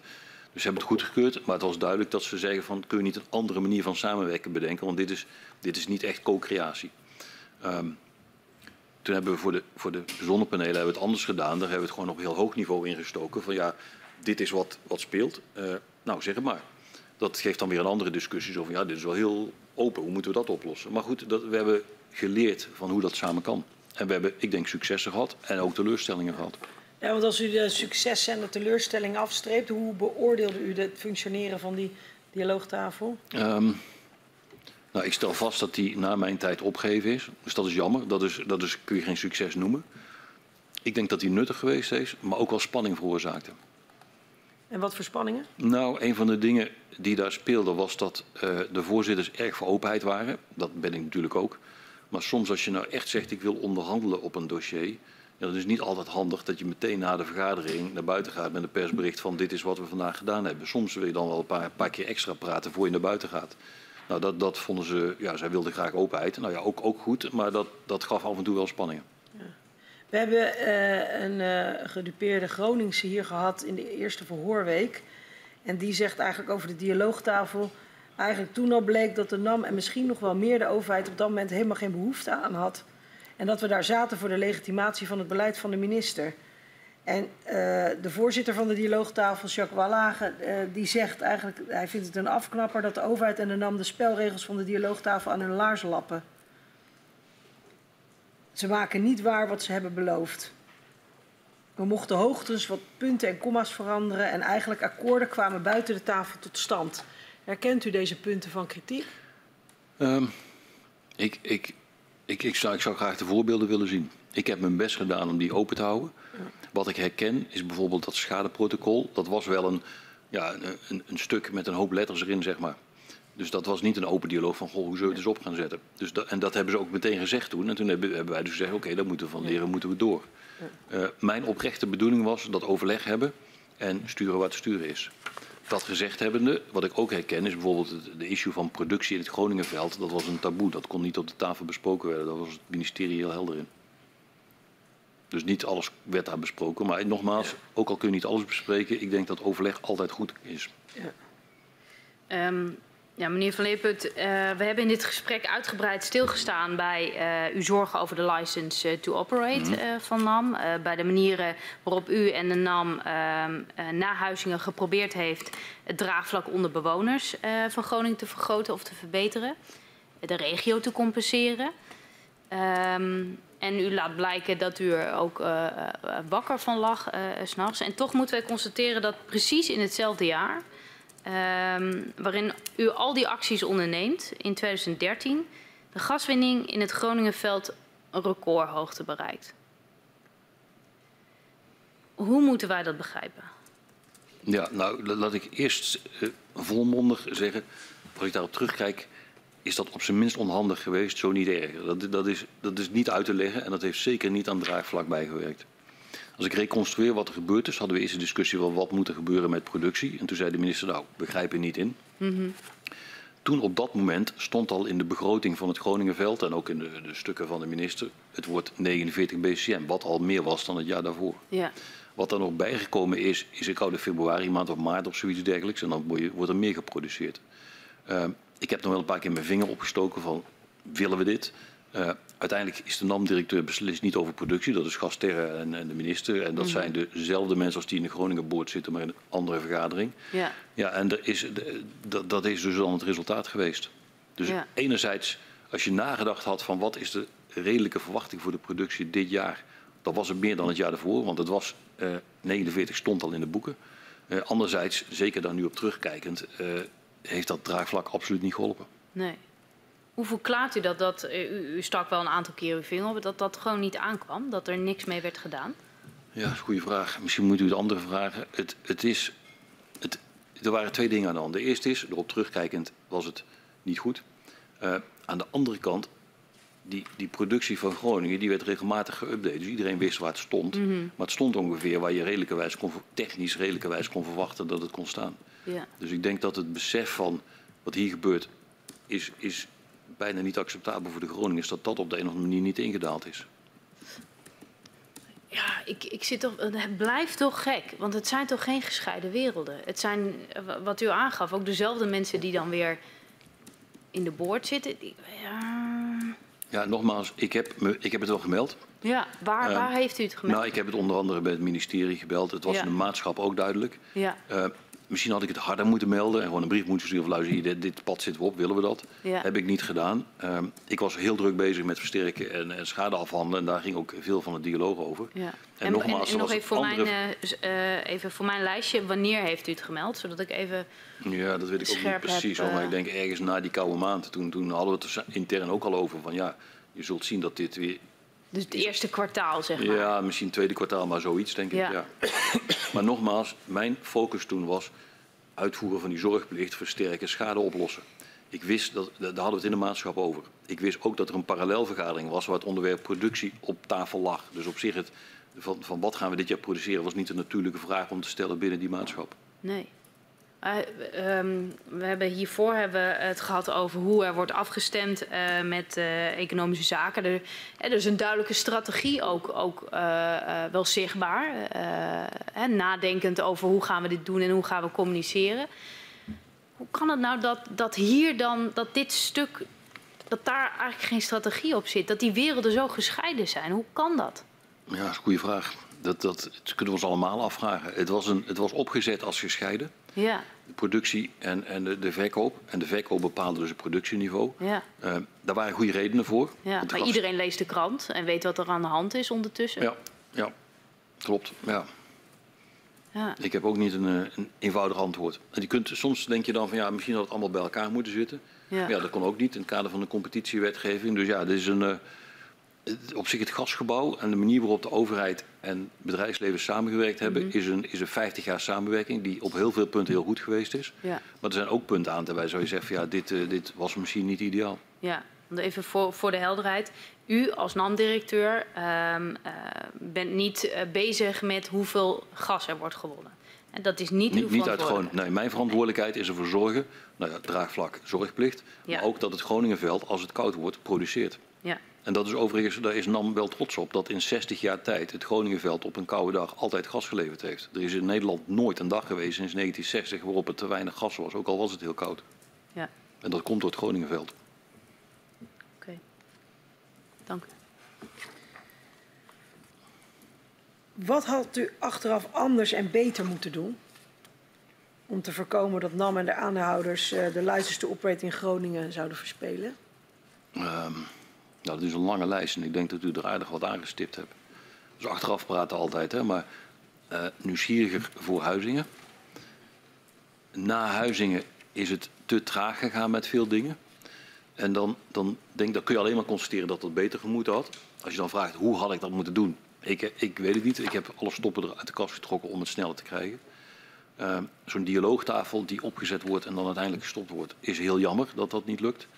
Ehm, dus ja, er zijn, er zijn nog wat dingen. Waar eh, de- de schadeafhandeling en versterken eerder weg bij NAM. Dus, dus alle besluiten die, die genomen zijn, kun je zeggen, ja, die hadden we eerder moeten zien.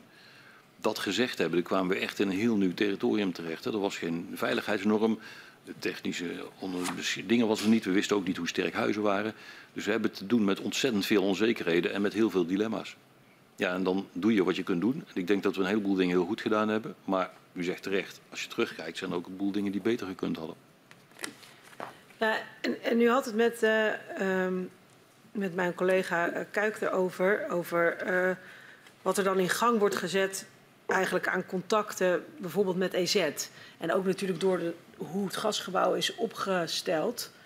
De positie die NAM heeft ehm, ten opzichte van EZ. En eigenlijk zie je dat de SODM, ja, die moet het steeds maar doen eh, met de medewerker van Economische Zaken. Denkt u dat dat verschil in posities, zou je daar in eerste instantie op willen reflecteren als u dat zo hoort?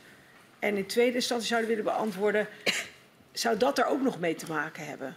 Dat er zo'n lange lijst eigenlijk aan dingen is die anders en beter hadden gekund. Nou, ik denk dat op een. U stelt nu een aantal vragen tegelijk weer. Hè? Twee, ja. Dus Nou. hoe kijkt u, reflecteert u op de positie die de NAM heeft ten opzichte van economische zaken? En dat komt gewoon Ja. door hoe het gasgebouw is ingericht. Ja. U heeft eigenlijk direct contact met de minister, met de, met de DG's. Er kunnen brieven overlegd worden, noem het maar op. En ondertussen de toezichthouder op de gaswinning, die moet het met een medewerker doen. Ja. Nou, laten we even. Dus die, die samenwerking, dat gasgebouw. U zegt dat is eh, versterkt. Dat contact was er al. Hè? We hebben niet gezegd, oh, nu moeten we andere mensen spreken. Die, Nee, maar als u dus, ik bedoel, Ja. reflecteer daar eens op. Je- We hebben Ja. een toezichthouder op gaswinning, die moet het doen met een medewerker. Eh, en door het instellen van het gasgebouw, dat is nu eenmaal een feit.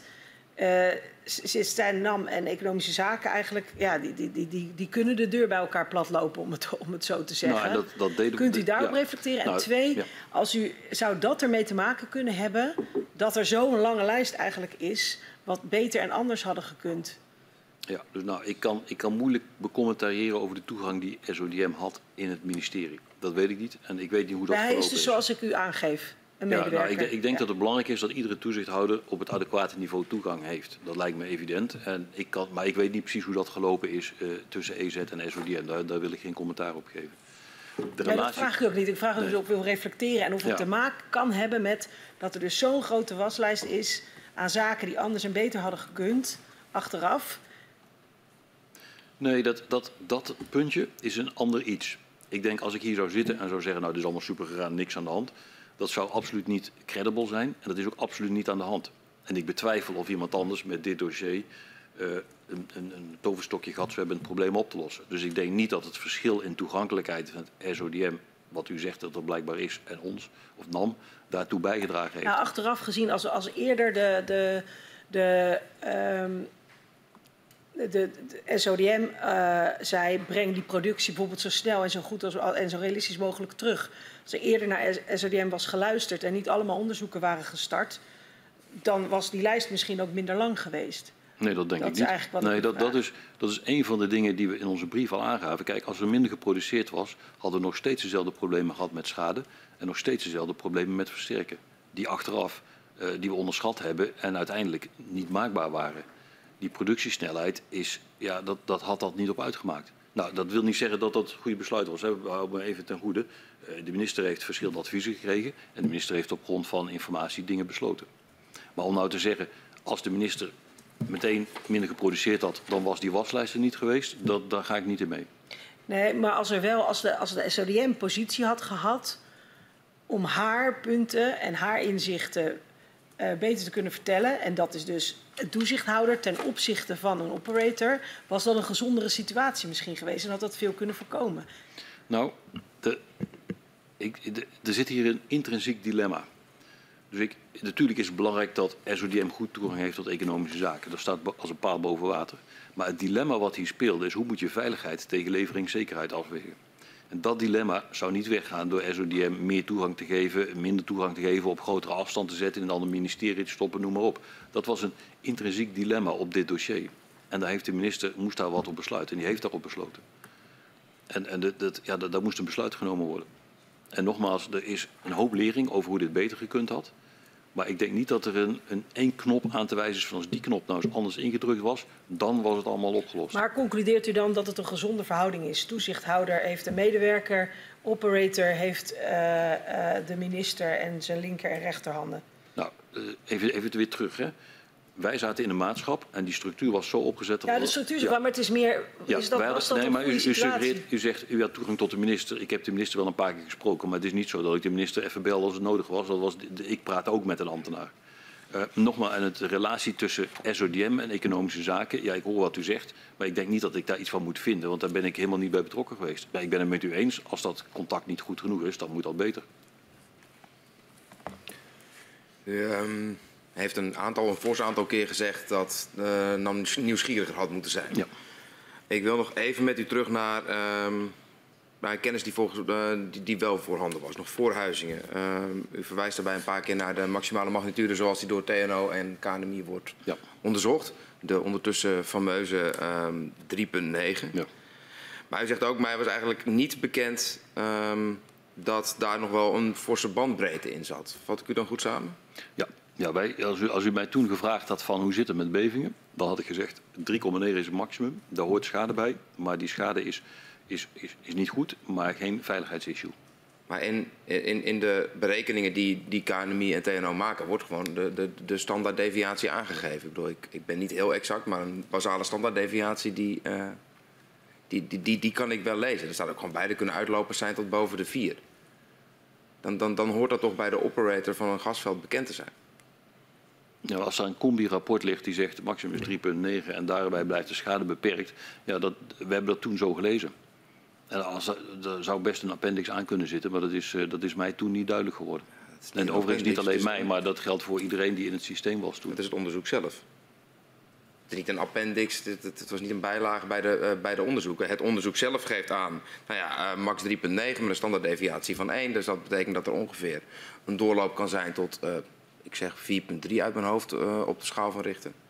Wat dus ook betekent dat je over die grens van 4 heen gaat. Dus dat je met andere, een andere Ja, de- de- te maken hebt. En nogmaals, de, de perceptie toen was 3,9. En daar zou best die standaarddeviatie, als u dat zegt, heeft u ongetwijfeld gelijk. En daarbij blijft de schade beperkt. En dat, ik weet niet precies hoe dat met die standaarddeviatie zat, maar dat was de boodschap. Ja. En dat is de boodschap die later veranderd is. Twee keer. De eerste was, zelfs met die 3,9, met die 3,6 die we toen in huizing hadden, is het nogal een ding. Dus om nou simpelweg te zeggen, het is maximum 3,9, dus het is oké, ging niet aan. Daarbij was het zo dat eh, die 3,9 los van de standaarddeviaties gewoon niet meer stond. Dat daar een heel ander getal op moest. Dat, dat was het kantelpunt. En u leunt er daarbij op die kennisinstellingen omdat u zelf die expertise niet in huis had. Absoluut, ja. Wat, wat we vaker doen, hè, overigens. Als we Ja, ja. expertise niet hebben, dan eh, ja. Waar u het niet doet, is op het moment, we hebben het vaak gehad over de, eh, de vertraging en de versnelling van de film. Zeg maar de, eh, Ja. de mate waarin productievermindering invloed heeft op het seismisch eh, nou ja, gedrag van het Groningenveld. Ehm, daar ehm, komt, ehm, komt NAM met nou ja, de metafoor van de, van de versnelde film en Ja. de vertraagde film. Dus je, het- het duurt iets langer voordat de bevingen komen, maar ze komen toch. ja. Waar was dat op gebaseerd? Eh, nou, dat was de toen, de toengaande theorie van de mensen die daarmee bezig waren. Wat ook extern gereviewd is. Want wij erkenden dat wij dus niet de expert waren op dat moment. Dus we hebben er externe professoren bij gehad die daar meegedacht hebben. En welke mensen waren daar eh, binnen uw die eh, naam instelling mee bezig? in mijn, dan moet ik, moet ik, ja, ik wil met plezier uw e-mail sturen, maar die heb ik niet in mijn gedachten. Ehm, Misschien, misschien nog even toelichten, want er was toen best wel een hoop debat tussen staatstoezicht en NAM over hoe dat dan precies zat. Ja. We waren het eens over een heleboel, maar hier kwamen we in het onontgonnen terrein. Staatstoezicht had toen een theorie van 12 BCM is veilig. Nou, dat herkenden wij niet. Toen zeiden wij echt van ja, dat. Ja. En dat, heeft dat toen, als ik het goed begrepen heb, door KNMI laten reviewen en die herkende dat ook niet. Er staat niet in de brief, is later wel meteen in de krant gekomen van 12 BCM is veilig. Nou, dat, ja, dat zagen wij toen niet. Ehm, maar dat, eh, en het KNMI heeft dat ook, eh, ook gereviewd en die was dat met u eens? Heeft het KNMI ook naar die... Nee, nee, het KNMI heeft SODM gereviewd. Ja, precies. En was het met u eens dat u nou, dat niet niet herkende? zozeer met ons eens, maar die hebben onafhankelijk vastgesteld dat die 12 BCM niet klopte. Of in ieder geval niet, niet st- stond. Heeft, eh, heeft het KNMI ook uw eh, onderzoek naar eh, de vertraagde film gereviewd? Dat weet ik niet. Het is extern gereviewd, ik weet dus even niet door wie. Dat, eh, Ehm, maar wanneer je die theorie doortrekt, de logica van de, van de impact van productievermindering Ja. op het seismisch risico. Het ging net met collega Kuik over eh, 2013. Over de, eh, de recordwinning eh, in het jaar na de beving bij Huizing. Als je op dat moment een theorie aanhangt die zegt minder winnen heeft weinig zin, want dan komt de beving alleen maar later.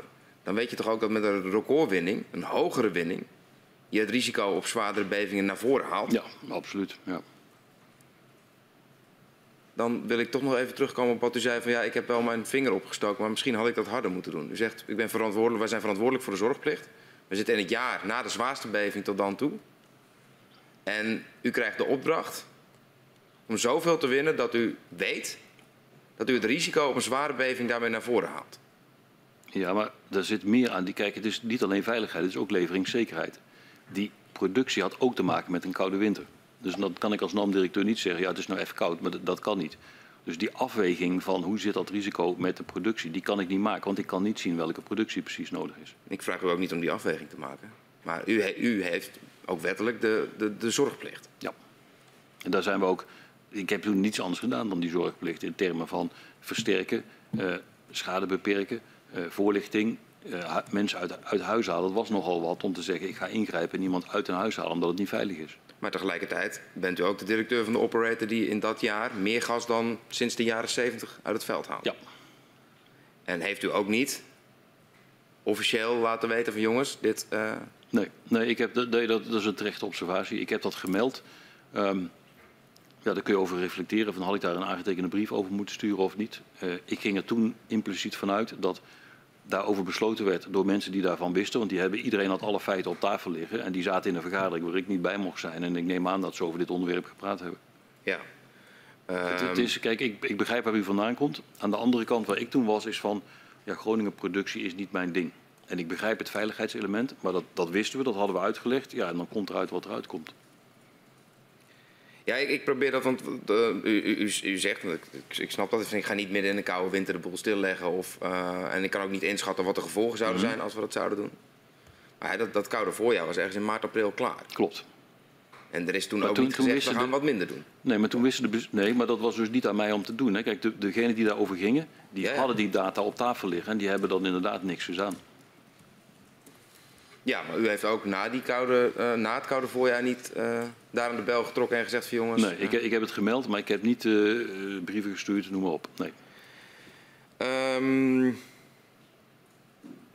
hoe, ja, hoe kijkt u daarop terug, ook vooral in het licht van die zorgplicht? Want het, u, u zegt, al die dingen die NAM op dat moment in dat jaar in gang zet, juist vanwege die zorgplicht.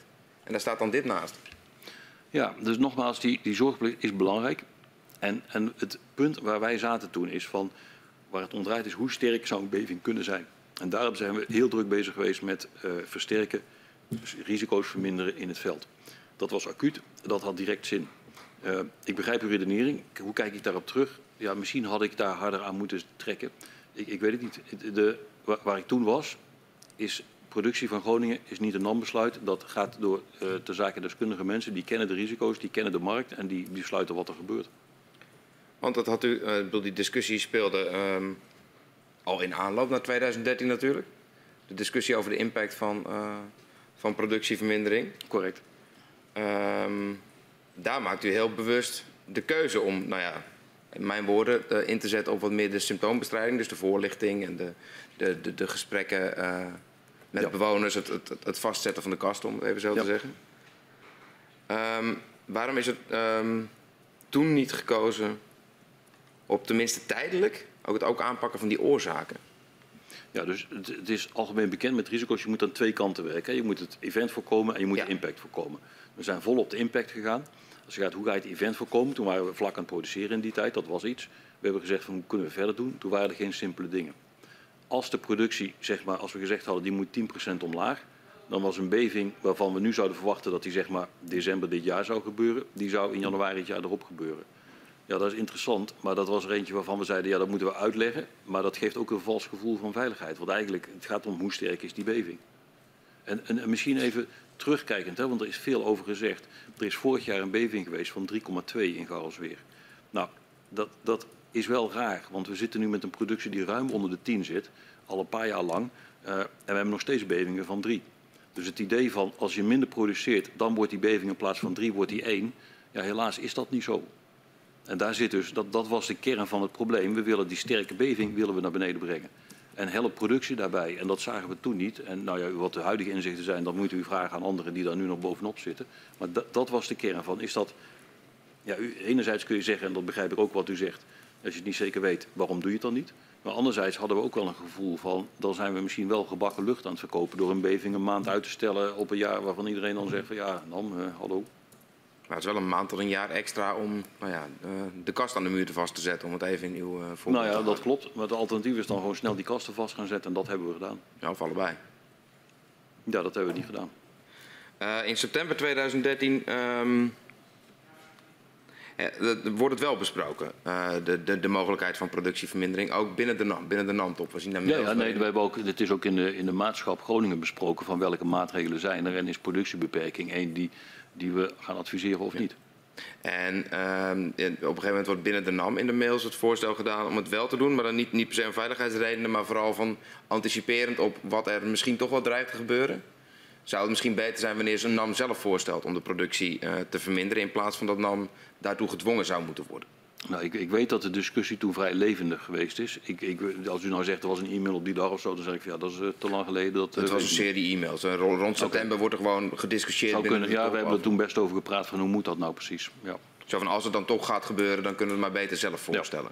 Weet u nog waarom dat uiteindelijk niet gebeurd is? Nee, nee ik, weet, ik weet dat we het erover gehad hebben. We hebben alle maatregelen op een rijtje gehad. En toen hebben we van deze gezegd van ja, dat, nou ja, dat, dat is een optie. Eh, echt het voorkomen van bevingen moeten we helemaal insluiten. En, en nogmaals, als we met 10% schuiven, dan gaat het 10% naar achteren die beving. En is, dat, dat vinden we niet de moeite waard.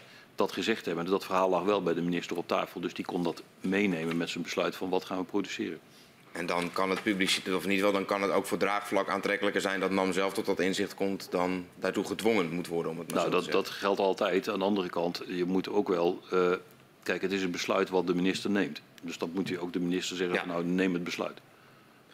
Ehm, nu we het toch hebben over besluiten die de ministers neemt. Ehm, het Loppersum cluster, dat wordt dan voor 80% uh, gesloten. Ja. Ehm, u zegt, ik snap niet helemaal waar Jan de Jong het over heeft wanneer hij zegt dat er een nieuwe risicoanalyse gedaan moet worden. Want er lag een totale risicoanalyse voor het hele veld, voor verschillende scenario's.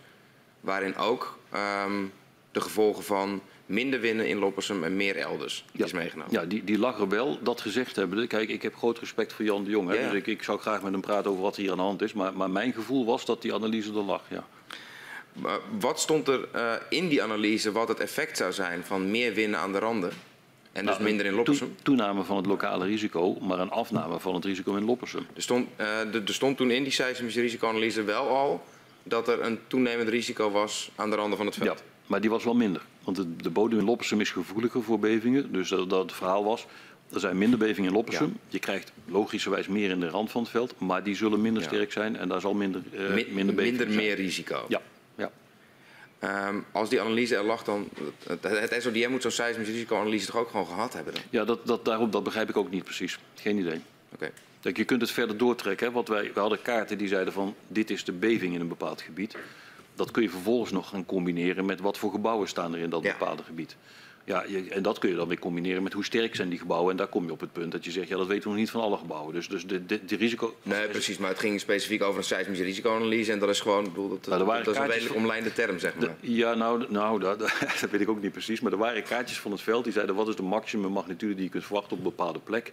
Of in de vijf jaar gemiddeld eh, over dat, een bepaald gebied. En er waren kaartjes voor vijf jaar, voor tien jaar, voor bodemmodel A, bodemmodel B, 30 BCM, 40, vijf- nou ja, oneindige variatie. Ja. Dank u wel. We komen tot, eh, tot een afronding. Ik heb nog twee vragen. In eh, 2015 start de Groningen Bodembeweging een strafzaak tegen de NAM. Ehm, omdat de NAM willens en wetens mensenleven in gevaar zou hebben gebracht. Eh, dat is dus ook gericht aan bestuurders en, en, en feitelijk leidinggevenden. Wat, wat deed deze aankondiging eh, met u? Ehm, nou, dat heeft me wel aan het denken gezet en mijn ogen ook weer een stukje verder open gedaan. Toen dit speelde, leefden wij oprecht met de gedachte van kijkers, wij dienen hier een algemeen belang door te zorgen dat Nederland niet in de kou komt. En natuurlijk hebben wij ook een zorgplicht en natuurlijk voeren we die ook uit, maar daar zitten dilemma's tussen en die hebben we uitvoerig besproken vandaag. Ehm, en daarom denk ik ook dat het goed is dat het besluit bij de minister ligt. Als je dan vervolgens als NAM-directeur, NAM-directie of NAM-bedrijf eh, eh, aangeklaagd wordt onder het motto van ja, u hebt de mijnwet en daar hebt u niet aan voldaan. Ja, dan geeft dat wel een ongemakkelijk gevoel, want wij dachten oprecht, wij doen iets goed voor het land. Want we hebben dat risico, maar dat moet afgewogen worden tegen een koude dag. Ja. Toen is NAM en de aandeelhouders zijn ook naar de overheid gegaan en hebben gezegd, geachte overheid, in de mijnwet staat dat wij als NAM een vergunning krijgen om uit Groningen te produceren. Wij willen dat scherper opgeschreven hebben. Wij willen een aanwijzing van de overheid om Groningen te produceren. Want als wij iets doen wat het land helpt om gas te geven op koude dagen, dan is het niet redelijk dat wij als bedrijf daarvoor ergens eh, aangeklaagd kunnen worden. En dat is toen ook veranderd in de mijnwet. Ik denk dat dat een belangrijk. Kijk, dat is een van die dingen waar we later dat inzicht kregen. Dat we in het begin, zeg maar, zonder dat het opgeschreven was, gehandeld hebben met het in gedachten. eh, Wij moeten een zorgplicht hebben, ook voor koude dagen. Ja. Die we op papier niet hadden, die later geformaliseerd is. Dat is een van de onzekere terreinen in het begin, die later strak neergezet is. En, eh, want u geeft aan ehm, dat NAM eh, naar aanleiding van die eh, strafzaak dus ook ehm, de vraag stelde bij het ministerie. Nou, het- ik was toen weg bij NAM in die tijd. Hè. Maar ik weet wel, en dat is vanuit mijn Shell-tijd toen, dat dat begon op te spelen. En ik weet niet of dat precies de trigger was, maar op een zeker moment daalde die realisatie wel in. Van, kijk als wij iets doen omdat we een landsbelang dienen, dan moet het ook helder zijn. En als er een mijnwet ligt die zegt de helft van het verhaal, dan krijg je daar dus problemen mee.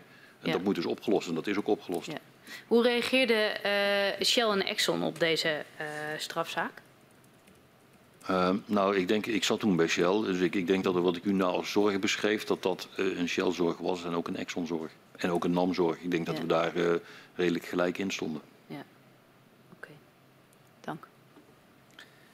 Dank eh, meneer Van der Leemput voor eh, de antwoorden en eh, ook aan de heer Veldhuizen dank voor de komst. Ik wil u nog één vraag stellen en dat is of u de review op de, zeg maar de filmtheorie, of u ons nog wil informeren welke externe deskundigen Ja. daarbij betrokken waren. Ja. Met naam Ja. en toenaam. Ja. Dank. Dan vraag ik de griffier om u beiden naar buiten te geleiden.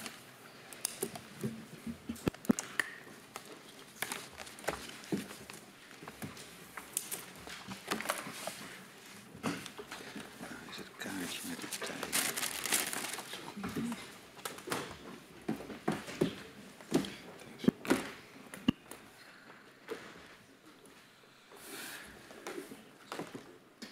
Ik eh, ga de vergadering sluiten, maar niet nadat ik heb gezegd dat we om twee uur eh, eh, het verhoor met de heer Dessens gaan aanvangen. Ik sluit de vergadering.